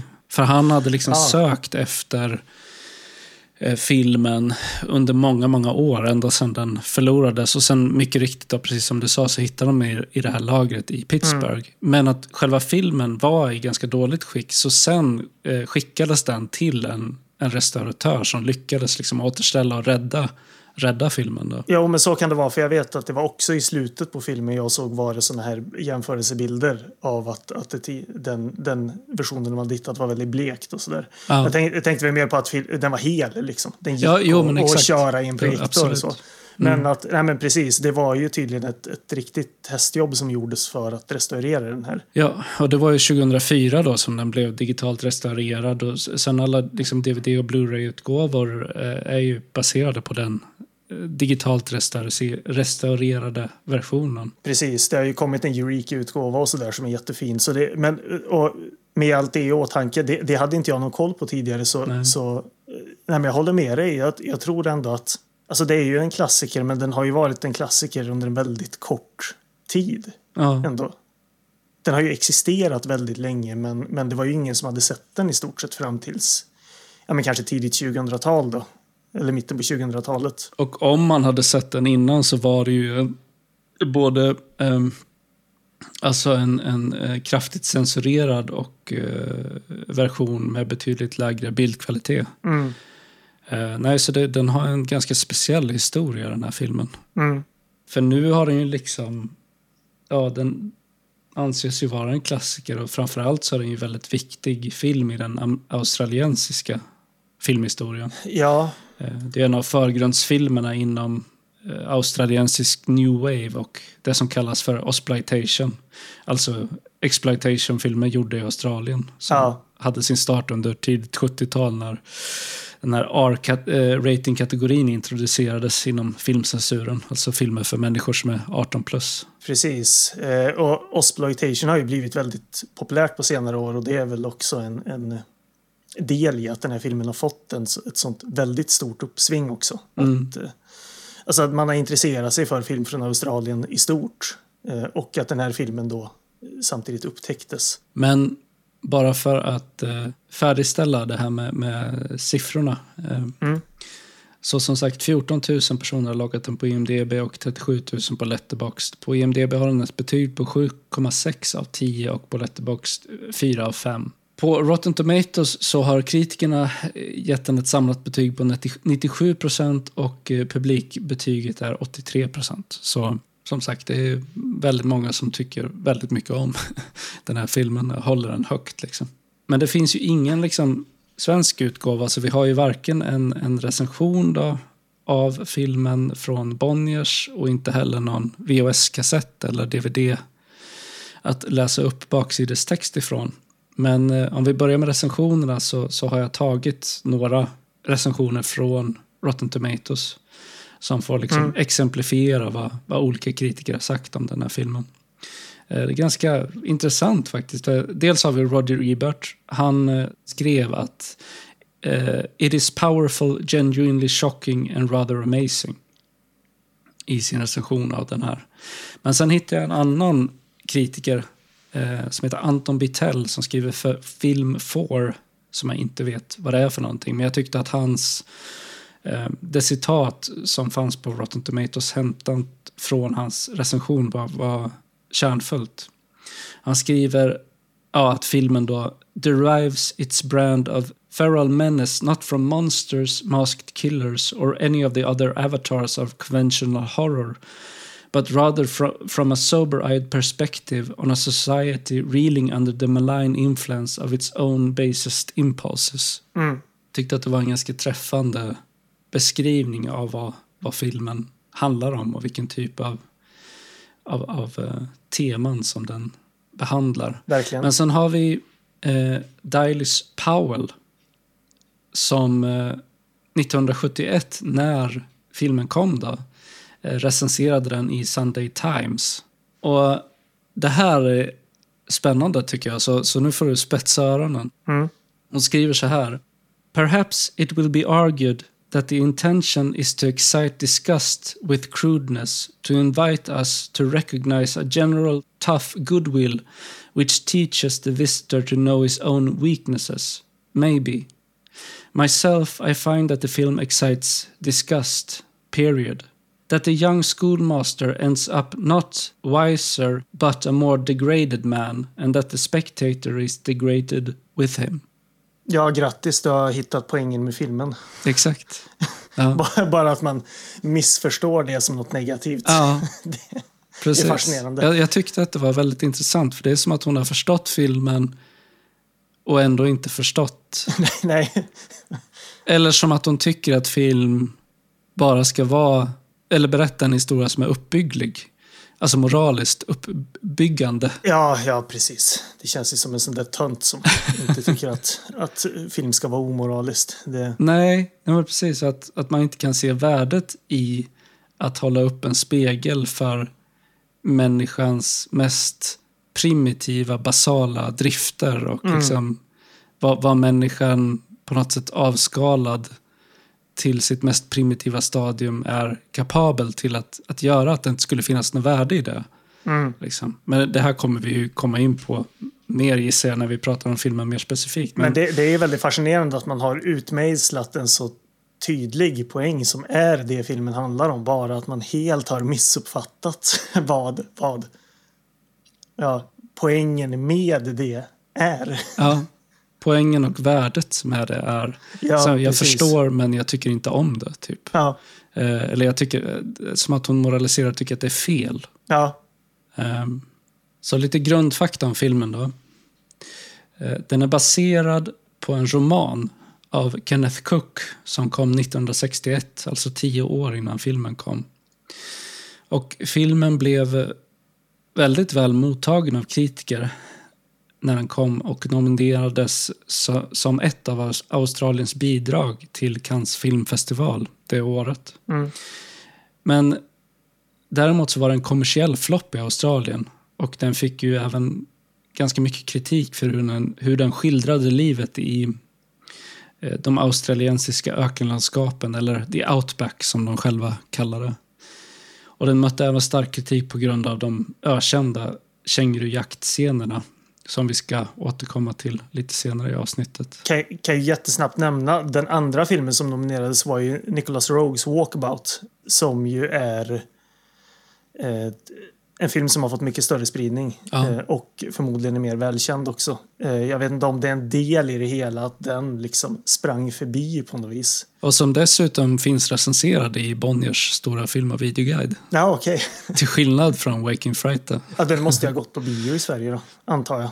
Walkabout alltså. Ja. Eller i alla fall släppts i efterhand på något vis. Eh, Det finns ju också en miniserie av, av den här berättelsen då, som gjordes 2017, men den har jag inte sett och jag vet inte om den anses vara något att ha eller inte. Nej, jag förstod det som, det lilla jag läste om den var att, ja, självklart att den eh, inte ens var i närheten av filmen, men att de också hade fått det ganska märkligt att de försökte göra någon slags crime story av dem, om jag förstod det rätt. Jag läste väldigt lite. Eh, men att de eh, verkade ha fått lite missriktad fokus kanske på eh, vad det är för film och vad, den, vad det är för typ av historia kanske. Ja, det är ett jävla otyg det där med att man ska liksom göra remakes och, och reimaginations av eh, lysande filmer eller tv-serier. Så Mm. nu, nu har vi liksom eh, Against All Odds är en dålig remake på Out of the Past. Och eh, i det här fallet så vet jag inte, tv-serien kanske är helt okej, men jag, jag ser det ju som helt onödigt till att börja med att ens ge sig på ett sånt projekt.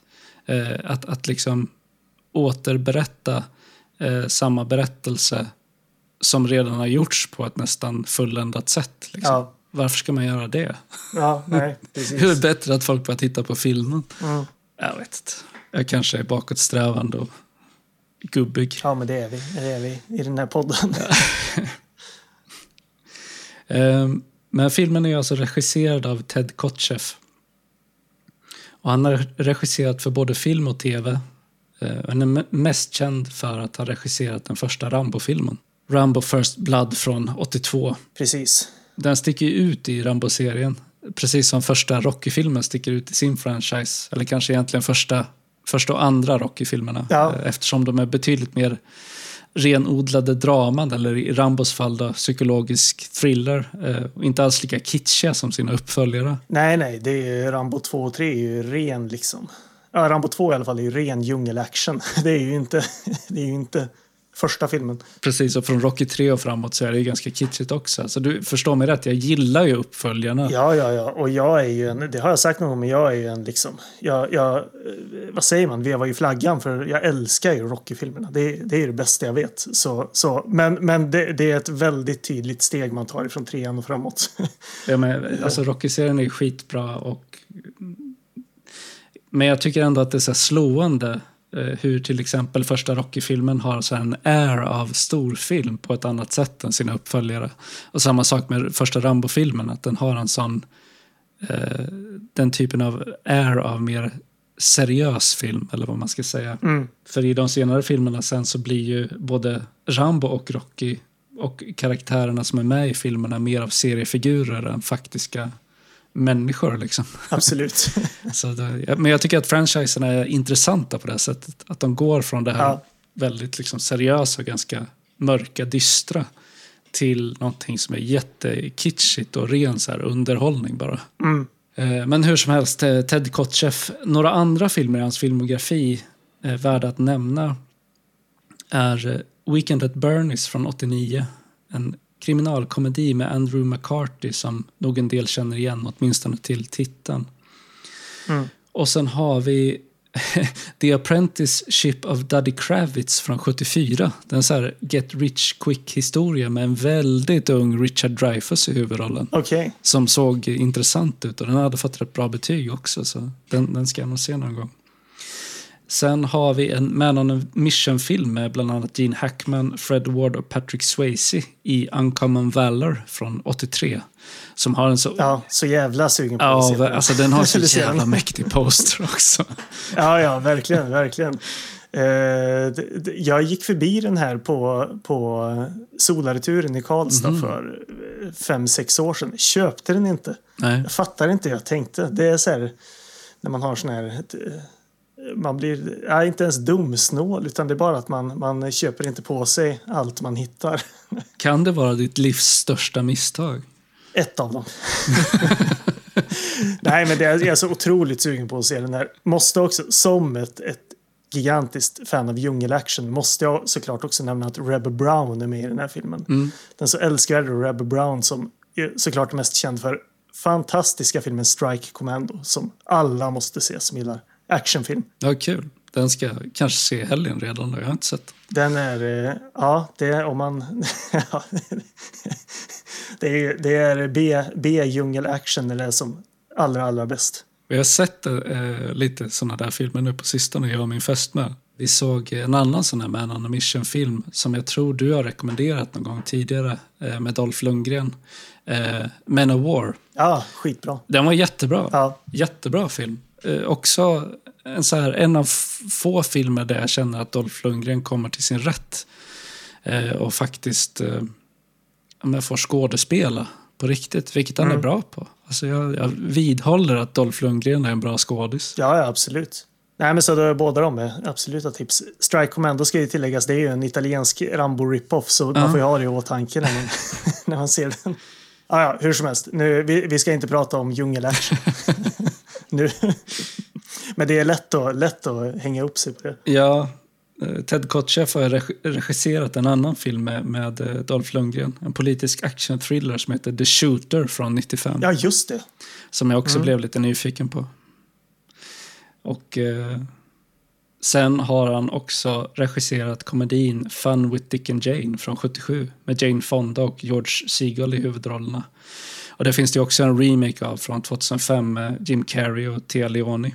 Men jag har varken sett originalet eller remaken. Så. Ja, jag har sett remaken, men det var nog när den kom ungefär. Så det, det var så otroligt länge Det sedan. är 20 år sedan det också. Jag, ah, jag förstår Ja, liksom inte hur, vart åren har tagit vägen.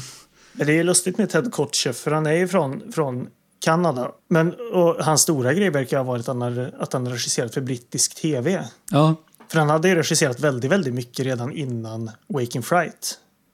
Och då framförallt brittiska tv-produktioner om jag förstod det rätt. Det var i den här recen, nej, recensionen, intervjun jag hade, ehm, så ställde de frågan då just att hur, hur det kommer sig att han, att han från Kanada får göra en film om ja, men en så, så djupt australiensisk film som handlar om liksom det australiensi, australiensiska lynnet eller vad man ska säga. Eh, men han pratade då om att eh, det var en vän till honom som, som han hade fått boken av. Eh, och sen så, så tar han inte riktigt upp hur det kommer sig att han skulle regissera, men hur som helst då.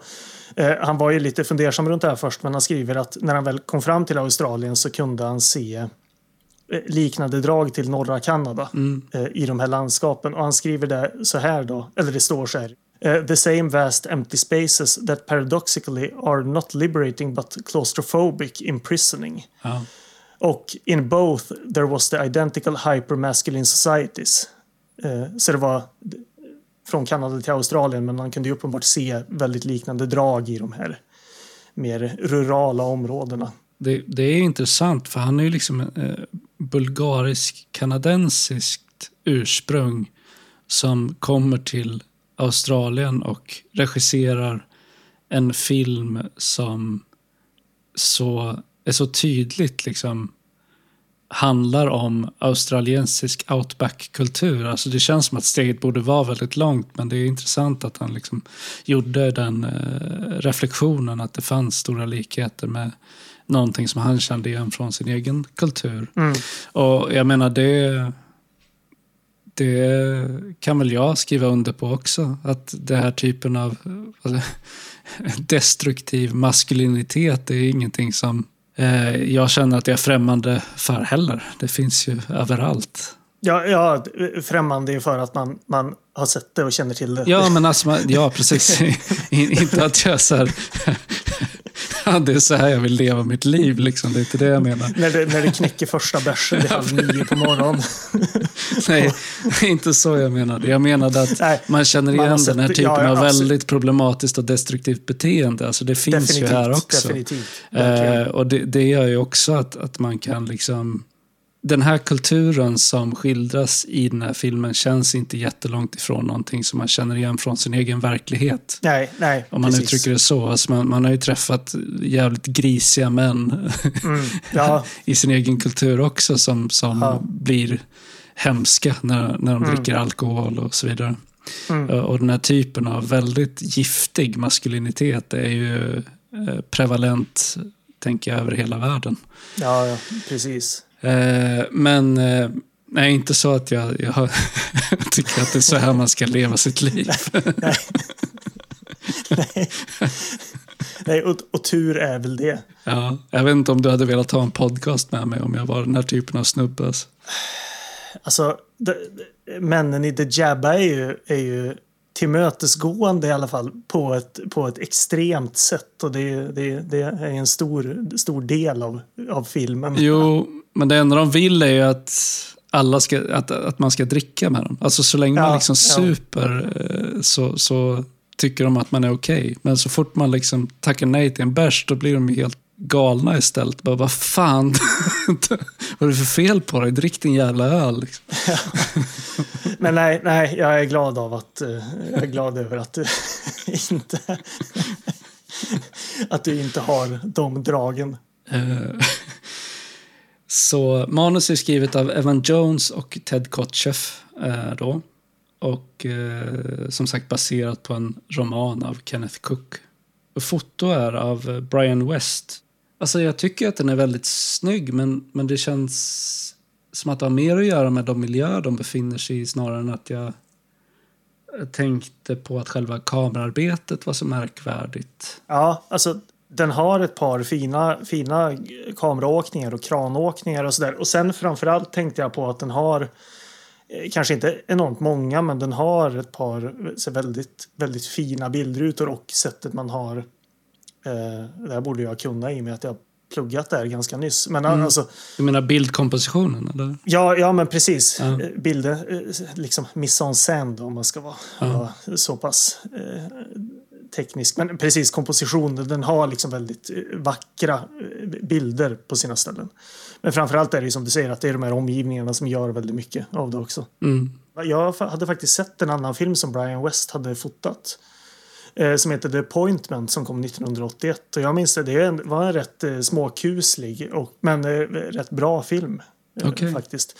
Det är Edward Woodward som spelar huvudrollen där, han som också spelar huvudrollen i Wickerman.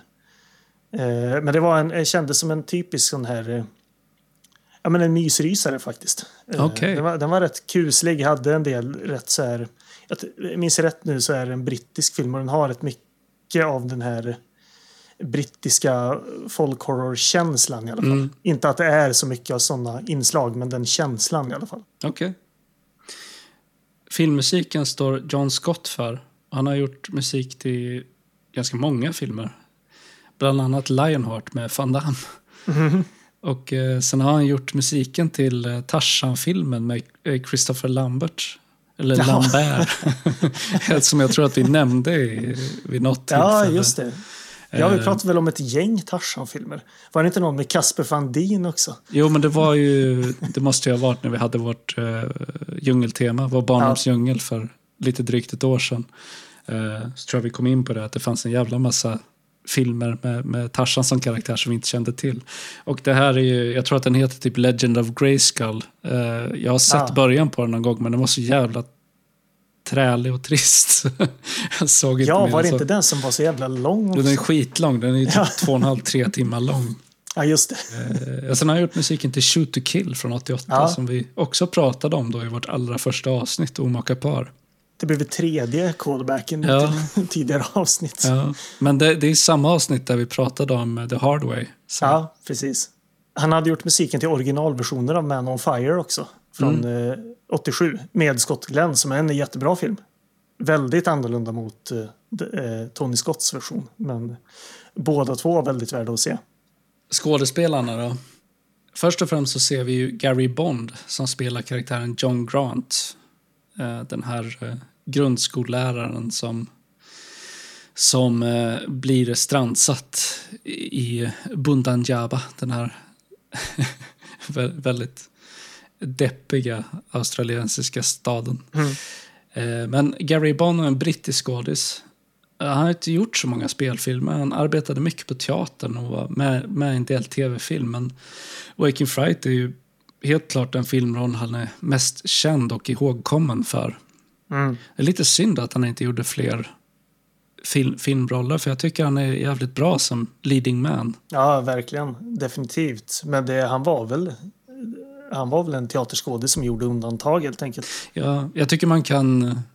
Man, man kan liksom... Man anar att han är en teaterskådis. Eller det märks rätt tydligt, framförallt på sättet han pratar. För han har någonting lite så här pompöst och väldigt posh eh, över Ja, hela sin framtoning. precis. Som inte bara är någonting så väldigt brittiskt, utan att ja, men det är som att han står på en teaterscen. Liksom. Mm. Eh, jag kan tänka mig att det är delvis därför han blev castad för den här rollen också. För att den här karaktären är någon man ju ska vara arrogant och lite av en översittare. Mm. Att, att eh, han liksom eh, kunde framstå som det. Framförallt att han, han pratar på det här väldigt väl artikulerade och liksom Mm. korrekta sättet i en miljö där alla bara är så här jävla fyllesvin. Ja. Hela grejen med att också han totalt bryts ner blir ju effektivt på grund av det också. Ja, Att han har den här så, eh, men som du sa, Porsche-inställningen. Han pratar väl om att han vill tillbaka till, han vill till Sydney först, men sen tillbaka till Storbritannien. Han vill bort härifrån liksom. det, det är ju liksom hans enda mål i livet är att lämna den här hemska situationen som man tycker att han befinner sig i. Mm. När han är som grundskollärare i The Outback. Men sen har vi Donald Pleasence då, som spelar Doc Tydon. Mm. Även han var ju britt. Och vi har ju nämnt honom flertalet gånger i podden, framför allt i avsnitt 26, En hemfridsbrotts-halloween. När vi diskuterade filmen Alone in, the Da- ja, Alone in the Dark från 82. Mm. Så om man vill höra lite mer om honom så kan man gå tillbaka och lyssna på det. Men eh, min fästmö ställde den väldigt observanta frågan. Eh, om han bara spelat läkare och psykiatriker. Jaha, ja det. Eh, och då blev jag så här, okej, nu måste vi titta närmare på. Så jag har faktiskt gått igenom hans filmografi. Och det är ju mycket riktigt så att det är så här idel läkare, psykiatriker. Eh, eh, så jag har faktiskt jag har sammanställt en lista här. Ja, okej. Gud, han är ju skådespelare så jävla mycket också. Ja, han har gjort det. Det är ju också en förklaring till varför det är väldigt många av samma typ av roller. Men det är tydligt att han blev typecastad. Så eh, till att börja med spelar han Dr. Tydon i Waking Fright. Dr. Loomis i Halloween. Dr. Leo Bain i Alone in the Dark. En icke namngiven doktor i Shadows and Fog. Mm. Dr. Absalon i The Great Escape 2, The Untold Story. Dr. Schaefer i Buried Alive. Dr. Warley i Devonsville Terror. Dr. Cobras i The Puma Man. Dr. Jack Seward i Dracula. Dr. Steiner i Good Luck Miss Wyckoff. Dr. Todd i Tomorrow Never Comes. Dr. Harmon i Oh God. Dr. Finch i The Devil Within Her. Dr. Nolter, The Freakmaker. The Doctor i eh, Terence Hill och Bud Spencer-filmen Altrimenti Chi Arab- Arabiamo.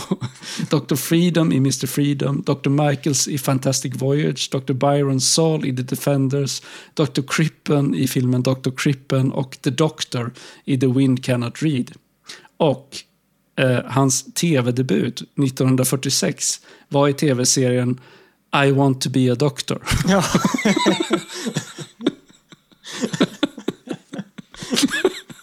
Jag har inte kunnat utröna om han faktiskt spelade en doktor i där också, men det, jag tyckte det var så jävla kul att det var liksom, ja. Och, och det blev han, åtminstone i fantasin. ja, men verkligen. Jag tänkte så här om man, om man bara hade blivit type, typecastad efter Halloween. Men uppenbart så var det ju hans mål från första början. Då. Ja, och förutom doktorer så har han spelat en herrans massa professorer, lärare, präster och liknande.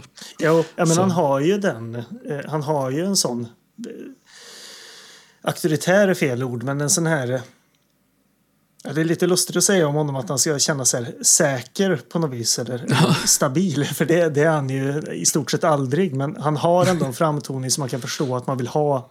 Om inte annat hans face i en sån roll. Ja, absolut. Ehm. Men han är ju bra. Alltså, eh, Donald Pleasence är alltid bra. Ja, ja, ja. Här är han svinbra. Ja, han är helt otrolig i den här rollen faktiskt. Ja. Jock Crawford. Karaktären Jock Crawford spelas av Chips Rafferty. Väldigt välkänd australiensisk skådis som varit med i många filmer och tv-serier fram, fram, eh, ända fram till sin död 1971, alltså samma år som Waking Fright hade premiär. Mm. Och eh, han ska tydligen ha kallats för the living symbol of the typical Australian. Mhm. Eh, det är någon som har beskrivit honom som det någon gång. Det mest kända han har varit med i, förutom Waking Fright, är förmodligen Myteriet på Bounty från 62 med Marlon Brando i huvudrollen. Mm. Eh, en annan så kuriositet i hans filmografi är filmen Skullduggery från 1970. Där Burt Reynolds verkar leda en expedition ut i djungeln som stöter på en tidigare okänd stam pygméer med ovanligt mycket kroppsbehåring. Eh, Så vitt jag kan döma verkar vara någon slags anti-exploateringshistoria. Jag ser postern här framför mig. Eh, karaktären Janet Hines spelas av Sylvia Kay som framför allt är känd från olika brittiska tv-serier. Men eh, hon har även varit med i ett antal filmer, bland annat That Kind of Girl från 63 av Jerry O'Hara och Rapture från 65. Och eh, vid tidpunkten för när den här filmen gjordes då så var hon gift med regissören Ted Kotcheff. Mhm. Dick spelas av Jack Thompson. Eh, han känns igen från bland annat Star Wars Episod 2, Attack of the Clones från 2002 och Clint East- Eastwoods Midnight in the Garden of Good and Evil från 97 och The Great Gatsby. Men Waking Fright var hans första filmroll. Mm. Men en annan film som jag är intresserad av att se med honom i, i huvudrollen är Bad Blood från 81. Som eh, handlar om en bonde som har ihjäl en massa människor och sen jagas av polis och maurier i, i den nyzeeländska bushen. Han är ju med i eh, Merry Christmas Mr. Lawrence också. Från Mm. 1983. Nagisa Oshimas, en av hans två mest kända filmer. Och också såklart känd för att det är en av David Bowies ganska få eh, huvudroller. Men den är jättebra. Eh, Joe spelas av Peter Whittle som eh, förutom Waking Fright bara varit med i olika tv-serier och någon enstaka spelfilm. Sen har vi Tim Hines, karaktären Tim Hines som spelas av Al Thomas, också mest eh, varit med i tv-serier. Charlie spelas av John Malon, det är den här karaktären i, som är med i bara början och slutet av filmen, barägaren. Mm. Han är med i både Crocodile Dundee 1 och 2. Om jag minns rätt så spelar han väl en barägare där också. Ja, så kan det vara. Det var det enda jag hade, enda jag hade sett honom i förutom den här. Då. Ja. Eh, och jag, jag, han har ju verkligen ett, ett ansikte man känner igen. Eh, Typisk liksom, karaktärsskådespelare. Så. Men det enda jag hade sett honom i var... Ja, jag har ju sett Crocodile Dundee 2 hur många gånger som helst också, men inte i vuxen ålder. Han är också med i den tidigare nämnda Walkabout av Niklas Råg. Eh, där han spelar pappan. Eh, och det är ju alltså en film, den, den utspelar sig i samma typ av miljö som Waking Fright. Mm. Och kom ju alltså samma år. Men där så är det två barn som är vilse eh, i, i en australiensiska öken och tvingas lära sig överleva med hjälp av en aboriginsk pojke. Mm. Så ja, nej, men det var väl de skådisar som, som eh, jag tänkte ta upp. Du har, någon glömt mer? den viktigaste. Mm? Nelson the Fighting Kangaroo. Jaha. Som, som är med i eftertexterna och på eh, Letterboxd såg jag.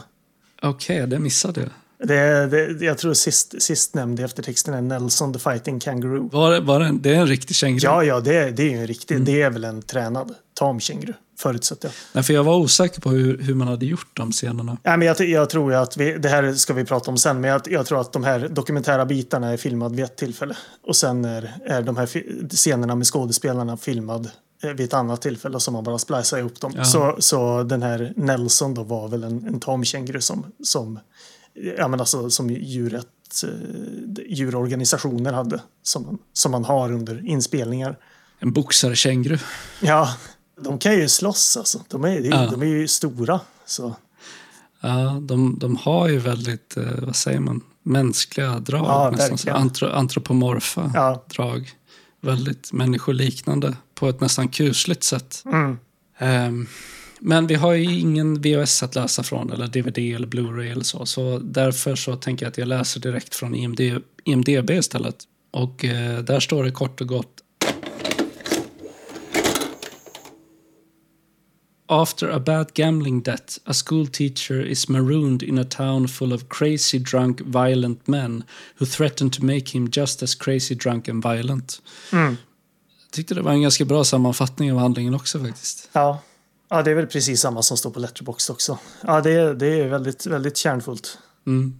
Så, filmen öppnar ju med en stillbild, eller en stillastående kamerabild eh, som sen panorerar 360 grader över ett ökenlandskap, ökenlandskap. Som är helt tomt bortsett från ett par mindre träbyggnader och en tågstation. Om man nu kan kalla det för en tågstation. Det är ju bara någon slags här liten läktare liksom. som, som man sitter på och väntar på tåget. Och det är öde, kokhett och bränt och allt är brunt och dammigt som fan. Mm. Eh, det, det, direkt så känner man sig, ja men det här är ju fan helvetet på jorden. Ja, ja. Vi träffar grundskolläraren John Grant, och spelad av Gary Bond.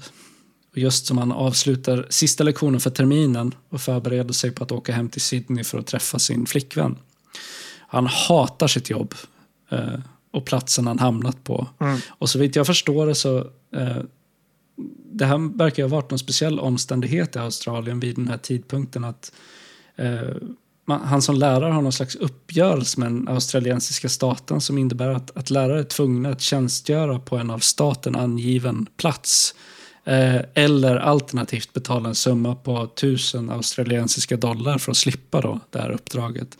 Så han är i princip han är förpassad dit eh, för att göra sin liksom, obligatoriska lärartjänstgöring. Då. Eh, så här i början av filmen så får vi också en mjukstart till det här hejdlösa supandet som Ja. ska komma och, och prägla den här filmen.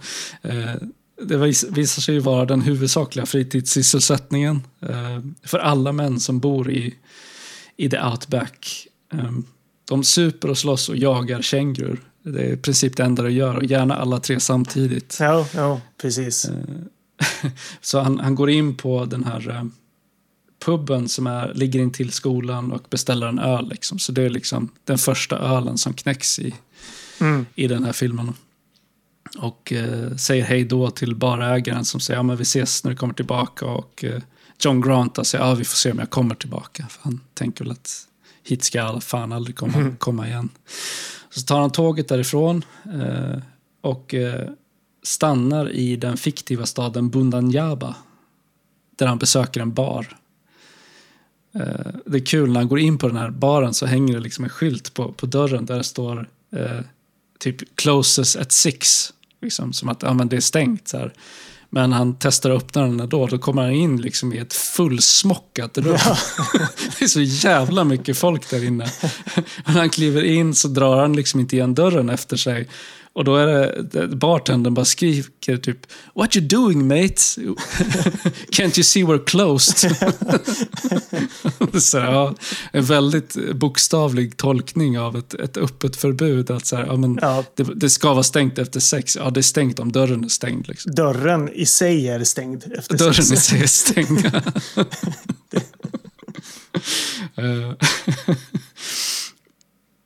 Och eh, ja, nej men det, man förstår ju att de inte är rädda för att, att eh, åka dit för det här. Därför att den första karaktären Grant stöter på i baren är ju polissheriffen.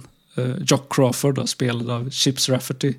Som eh, det första han gör är i princip att mobbar Grant till att svepa fyra öl. Ja, men för det där, det, jag tyckte det var så, för jag reagerar också på det där att det, det, det, det, drick, det krökas ju så in i bomben. alltså. Och jag tyckte det var så talande den här tidiga scenen när han träffar Crawford där. För Crawford säger då att ja, men jag, kan jag få bjuda på en öl? Och John Grant, eh, John Grant säger ja visst.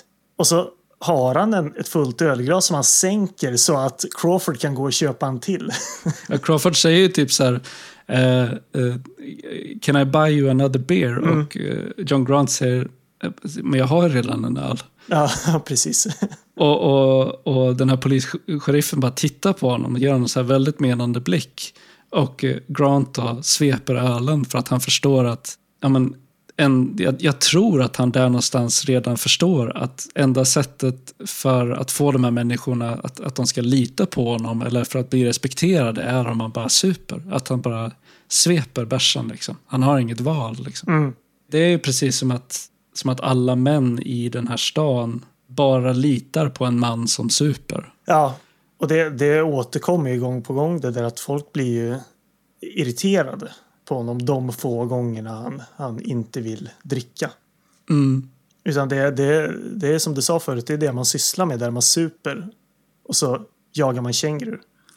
Ja, och Och, slåss. ja, och slåss och är allmänt bara jävliga. Mm. För det, det är det enda som finns att göra där. Nej, men alla blir liksom personligt kränkta om man tackar nej till att bli bjuden på en bärs. Mm. Eh, Som en alkoholhetsig kubik. Eh, Sen när han kommer hem till eh, Tim Hines, då spelad av Al Thomas, så sitter ju Grant och samtalar med Hines dotter. Och Dick då, en av de här snubbarna som liksom dyker upp och, och är supermacho. Och senare följer med ut på den här, eller tar med honom ut på den här känguru- kängurujakten. Han vänder sig till Tim Hines och säger What's the matter with him? He'd rather talk to a woman than drink. här, vem kan få för sig något så galet som att man hellre sitter och pratar med en människa än att, att dricka bärs? Liksom. Ja, ja Eh, precis. Och den enda förklaringen som Tim Hines ger är att han på ett väldigt menande säger, sätt säger “He's a school teacher”. Och då är det så här att “Ah”. Ja. Eh, Men alltså Grant flippar ju ut senare i filmen också. Alltså när han till slut har fått nog. Han vill absolut inte ha mer bärs. Liksom. Att det enda han vill är bara lämna den här stan. Och eh, han skriker till då en snubbe som har gett honom lift att “What's the matter with you ple- people?” Eh, och sen typ att ja, men, ni kan så här, mörda folk, ni slåss och är jävliga och bränner ner era egna hus. Men, Och allt det är okej så här. But uh, not have a drink with you, not, a, not have a flaming bloody drink with you. That's a criminal offense. That's the end of the bloody fucking world. så det, är som, ja, det värsta man kan göra är att så här, inte vilja dricka med dem på Ja, för det, är också, det är just det här med som jag nämnde förut med att de är nästan aggressivt tillmötesgående. Det är också det att det är också det enda sättet de kan vara det på, till synes. Det är att, att bjuda folk på, på dricka och att man ska supa. Och om man... Det finns ju en, en, passiv aggressivitet i det som är så otroligt obehaglig. Liksom. Ja, ja, men precis. Det, det är ju det som gör det så, så kusligt i att de inte är rätt upp och ner eh, supande galningar utan att de är extremt tillmötesgående, passivt aggressiva galningar. Alltså det som händer, eller det, det som är liksom anledningen till att han blir fast i Bundan Java, det är ju för att de går ju från den här första baren till en annan restaurang där det visar sig att det pågår ett, ett eh, hasardspel Ja. i, i, i eh, bakrummet. Ja, de liksom. ska ju gå och äta något. De, de, det slutar Ja. med att de super hela, hela natten i stort sett och eh, ska gå och äta någonting. Eh, och där så upp- upptäcker Grant då att ja, det pågår vadslagning i det bakre rummet. Det är det mest infantila sartspel man kan tänka sig. Det är två mynt som kastas upp i luften och sen vadslår publiken om, om det ska landa som två kronor eller två klavar. Ja, precis. Det är så här, det, det, det absolut mest rudimentära eh, spelet man kan ha. Det, Och blir det inget deras så kastas mynten om tills det blir det. Eh, Och initialt då så vinner Grant en massa pengar. Men så blir han girig och bettar en gång för mycket och då ja, förlorar han alla sina pengar. För hela grejen är ju att han, han inser att om jag bara vinner en gång till så har jag råd. Och då kan man in- inte bara åka till Sydney, då kan han åka hem till Storbritannien. Om jag bara vinner en sista gång så kan jag betala av de här tusen dollarna för att slippa undan det här eh, påtvingade uppdraget. Och köpa sig fri från lärartjänsten. Ja, han blir såklart jävligt deppig av det här, men han, han går ut och sätter sig och käkar sin köttbit. Mm. Eller det kanske hände lite tidigare, lite osäker på vilken ordning det sker. Men det är i alla fall där som han, han träffar eh, Doc Tydon, alltså Donald Pleasence. Och eh, han har en jävligt intressant första replik. Mm. Eh, han säger, eh, när Grant sätter sig bredvid honom då och börjar äta på sin biff, så säger han All the little devils are proud of hell. Och det är ju alltså en poetisk omskrivning för att invånarna på det här stället i Bundanjaba i princip gillar läget. Mm. Att om man är förpassad till helvetet så kan man antingen gå under eller att lära sig att uppskatta det. Och han tycker ju att Grant är en översittare när han beklagar sig över de här invånarnas brist på bildning och kultur. Men han är en, han är en intressant karaktär, Doc Tydon. Eh, Han är ju den som, som de faktiskt eh, ger lite story runt också. Man förstår att han är en ganska... Ja, det, det är väl också, ja, ut, utöver hela det här eh, filmens tematik så är det också han som karaktär som får, får bena lite i det här vansinniga supandet eh, som försiggår. Och han, han jobbar ju faktiskt med någonting där, vilket känns helt vansinnigt. Eh, Men det är ju också en del av grejen. Han är ju doktor där. Eh, Men jobbar för sprit, mer eller mindre. Precis. Han säger ju vid något tillfälle att eh, han kom till Bundanjaba för att liksom understödja sin alkoholism. Ja, för att eh, man kan leva där i år efter år utan att ha liksom någon formell eh, sysselsättning annat än att utbyta tjänster med sina grannar då och då. Han, det han kan liksom bidra med då är att han, har, han, han är bildad, han är läkare. ja precis. Han, han kunde ju inte jobba kvar där han jobbade innan. För att man kan inte vara alkoholist på jobbet, men det går här. Men alltså han, han är ju en av få personer i Bundanjaba som inte verkar dricka för att, att glömma bort sig själv och den krassa verkligheten utan snarare för att han här, ser supandet som en del av sin natur. att han känner sig själv. Han identifierar sig som läkare och alkoholist. Mm. Och att han, just, han är där för att supa. Det är, det är liksom han, hela hans syfte med livet är att bara dricka en jävla massa öl. Ja, exakt. Det är speciellt. Han är, han är väldigt så här, logisk eh, i hur han ser på det hela. Ja.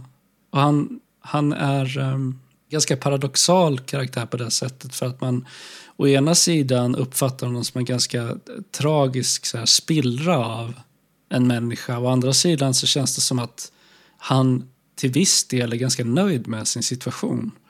Att han har det så som han vill ha det och att han har bestämt sig för att det är så här hans liv ska levas. Mm. Han och Grant har ju en mera, ett mera förtroligt samtal vid ett tillfälle där han pratar om själv att han, så här, han vet vad han är för någonting. Mm. Och han pratar i väldigt beundrande ordalag om eh, Jeanette Hines då, och säger att hon, de är lika, för hon förstår också vem hon är. För hon har ju ett dåligt rykte i, i den här bygden av att vara lössläppt och liksom att hon har varit med många män och så vidare. Man säger att ja, men hon, hon gör det hon vill göra. Ja, hon och Doc Tyden har ju något, någon slags relation också. Ja, de har ju någon slags Ja. on and off relation. Ja. Som, eh, ja, nej, så han, han verkar som att han har en form av självinsikt som de andra karaktärerna på den här platsen helt saknar. Mm. Han eh, nämner ju också att han, eh, han bara dricker öl numera. Att den lilla liksom självkontroll som består hos honom åtminstone har lett till att han bara dricker öl och undviker starkspriten. Ja, Och anledningen till det så får man ju reda på sen eftersom Dick då hetsar honom till att dricka en whisky. Mm. Och eh, efter det blir han bindgalen och går bärsärk på terrassen till den här lokala baren. Samtidigt som Dick och Joe skojbrottas eh, intill. Eh, tills den här liksom våldsamma leken då övergår till ett regelrätt slagsmål och de försöker döda varandra. ja, Alltihop där samtidigt som, som Grant då ligger medvetslös eh, uppe på terrassen för han har liksom fallit av stolen för han är så jävla stupfull så han bara så slocknat. mm. Alltså efter den här, när han har vaknat upp liksom och förlorat alla sina pengar. Jag kommer inte ihåg nu hur det är han träffar, hur det är han träffar den här Tim Hines. Ja, men han träffar honom på puben också och han, han ska bjuda honom på bärs och sen vill han inte Ja, ha det. det. och då blir Tim Hines arg på honom och säger men drick din jävla öl liksom. Ja, ja, ja, ja, just det. Ja. Och sen blir han Eh, packad och så följer han med honom hem. Så det, Och efter det så är det ju, det är som en, en eh, superdröm bara. ja, en stund. För det är det enda de sysslar med nästan. Han har ju ett, eh, innan då John Grant har blivit helt, helt stupfull så har han ju ett samtal med då Jeanette. Men det är ju precis innan den kvällen går helt eh, off the rails ja. kan man ju säga. För sen mitt i natten så tar ju de här männen då, allihopa stupfulla, tar med honom ut på kängurujakt i öknen. Och här någonstans når ju eh, filmen sin kulmen. Mm. Eller åtminstone en, en kulmen. Jo, ja alltså det är det här man, man har liksom i, i nedbrytandet av John Grant som människa så är det ju det här man har, har arbetat mot som Ja, nej men vi kan, det är väl dags att prata om kängurujakten. mm, Det är ju scener som alltså består av en blandning mellan eh, dokumentärt filmat material och spelfilm. Och eh, de här scenerna har ju skapat väldigt stor kontrovers. Dels när de kom, men är ju, alltså, är ju fortfarande ökända. Liksom att om man pratar om Waking Fright så, så pratar man alltid om, om eh, de här jaktscenerna för att de är så groteska och, och grymma. Den här ni, eller den blir ju medlem i den inte allt för, för liksom hedervärda klubben med filmer som, som dödar djur på film. Mm. Helt enkelt. Eh, nu kanske den här filmen i, i alltså den gör ju något av det. Eller Mm. det, det finns ju en tanke med det. Kanske på, på om man ska jämföra med, med de här italienska kannibalfilmerna där man dödar djur för sakens skull mer eller mindre. Det är ju inte riktigt fallet här kan man ju säga. Men Nej, alltså eh, Ted Kotcheff har ju berättat i intervjuer att han, eh, eh, han var själv livslång vegetarian. Mm. Har jag förstått det. Så, så när han läste boken så han hade ju väldiga problem med att komma på hur han skulle skildra de här scenerna. För att han själv såg det som etiskt oförsvarbart och, och helt ja, men otänkbart att han skulle liksom, döda djur eh, för filmens skull. Mm.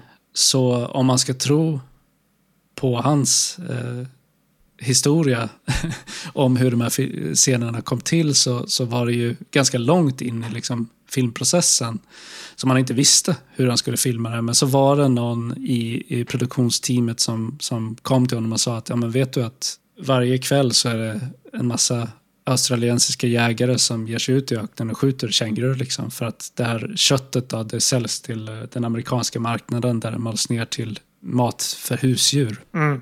Och att du skulle kunna bara haka på dem och, och filma det de gör på, på daglig basis. Och så blev det då. Eh, och han sa till de här jägarna att ja, men gör ingenting extra för mig. Alltså, tänk inte på att, det, att jag är med här och filmar utan gör det som ni alltid gör. Och sen så gick han in med inställningen att han skulle skildra det på ett dokumentärt sätt. Ja, de satte väl en kamera på en av bilarna rätt upp och ner bara. Och det var ju osäkert hur mycket av det materialet som ens skulle kunna inkluderas i filmen. Och det som faktiskt har inkluderats i slutändan är ju tydligen långt ifrån det grövsta som faktiskt blev filmat. Mm. Men det allra grövsta eh, bedömdes... Ja, men det, det, hade gjort filmen oserbar. Liksom. Jo, För att det var så hemskt, det, det de här kängurorna blev utsatta för. Men, men det man faktiskt får se på film är ju djur som, eh, som eh, blir skadeskjutna, som lider, som har fruktansvärt ont. Alltså det, är, ja, det, är, det är groteskt, väldigt hemskt. ja, ja, verkligen. De hade en person med sig från, nu har jag det framför mig här, The Australian Royal Society for the Prevention of Cruelty to Animals. Hade de, enligt då Kotcheff i den här eh, intervjun jag läste, hade de en person eh, därifrån med sig. Som då enligt Ted Kotcheff sa liksom att nej, men det här måste visas upp. Eh, Det, det här försiggår hela tiden och de tyckte då enligt Ted Kotcheff att ännu grövre scener skulle vara med för att det finns en vikt i att visa vad det är som faktiskt försiggår. Ja, men som Ted Kotcheff sa då, då att nej, det går inte att visa, folk skulle springa från biografen. precis. Nej, men så syftet med att ha med scenerna i filmen är ju tvåfaldigt kan man säga. Alltså dels för att det för berättelsens skull, det är ju här som John Grant når botten. Och jag, jag har ett citat här från, från, eh, från Kotcheff också. Eh, där han säger att i didn't know how, how I was going to do this climactic sequence. This is where this guy hits rock bottom and discovers that he is capable of doing things that are morally wrong. Och det är sant, alltså, det fyller ju en, en um, för berättelsen en väldigt viktig funktion på så sätt.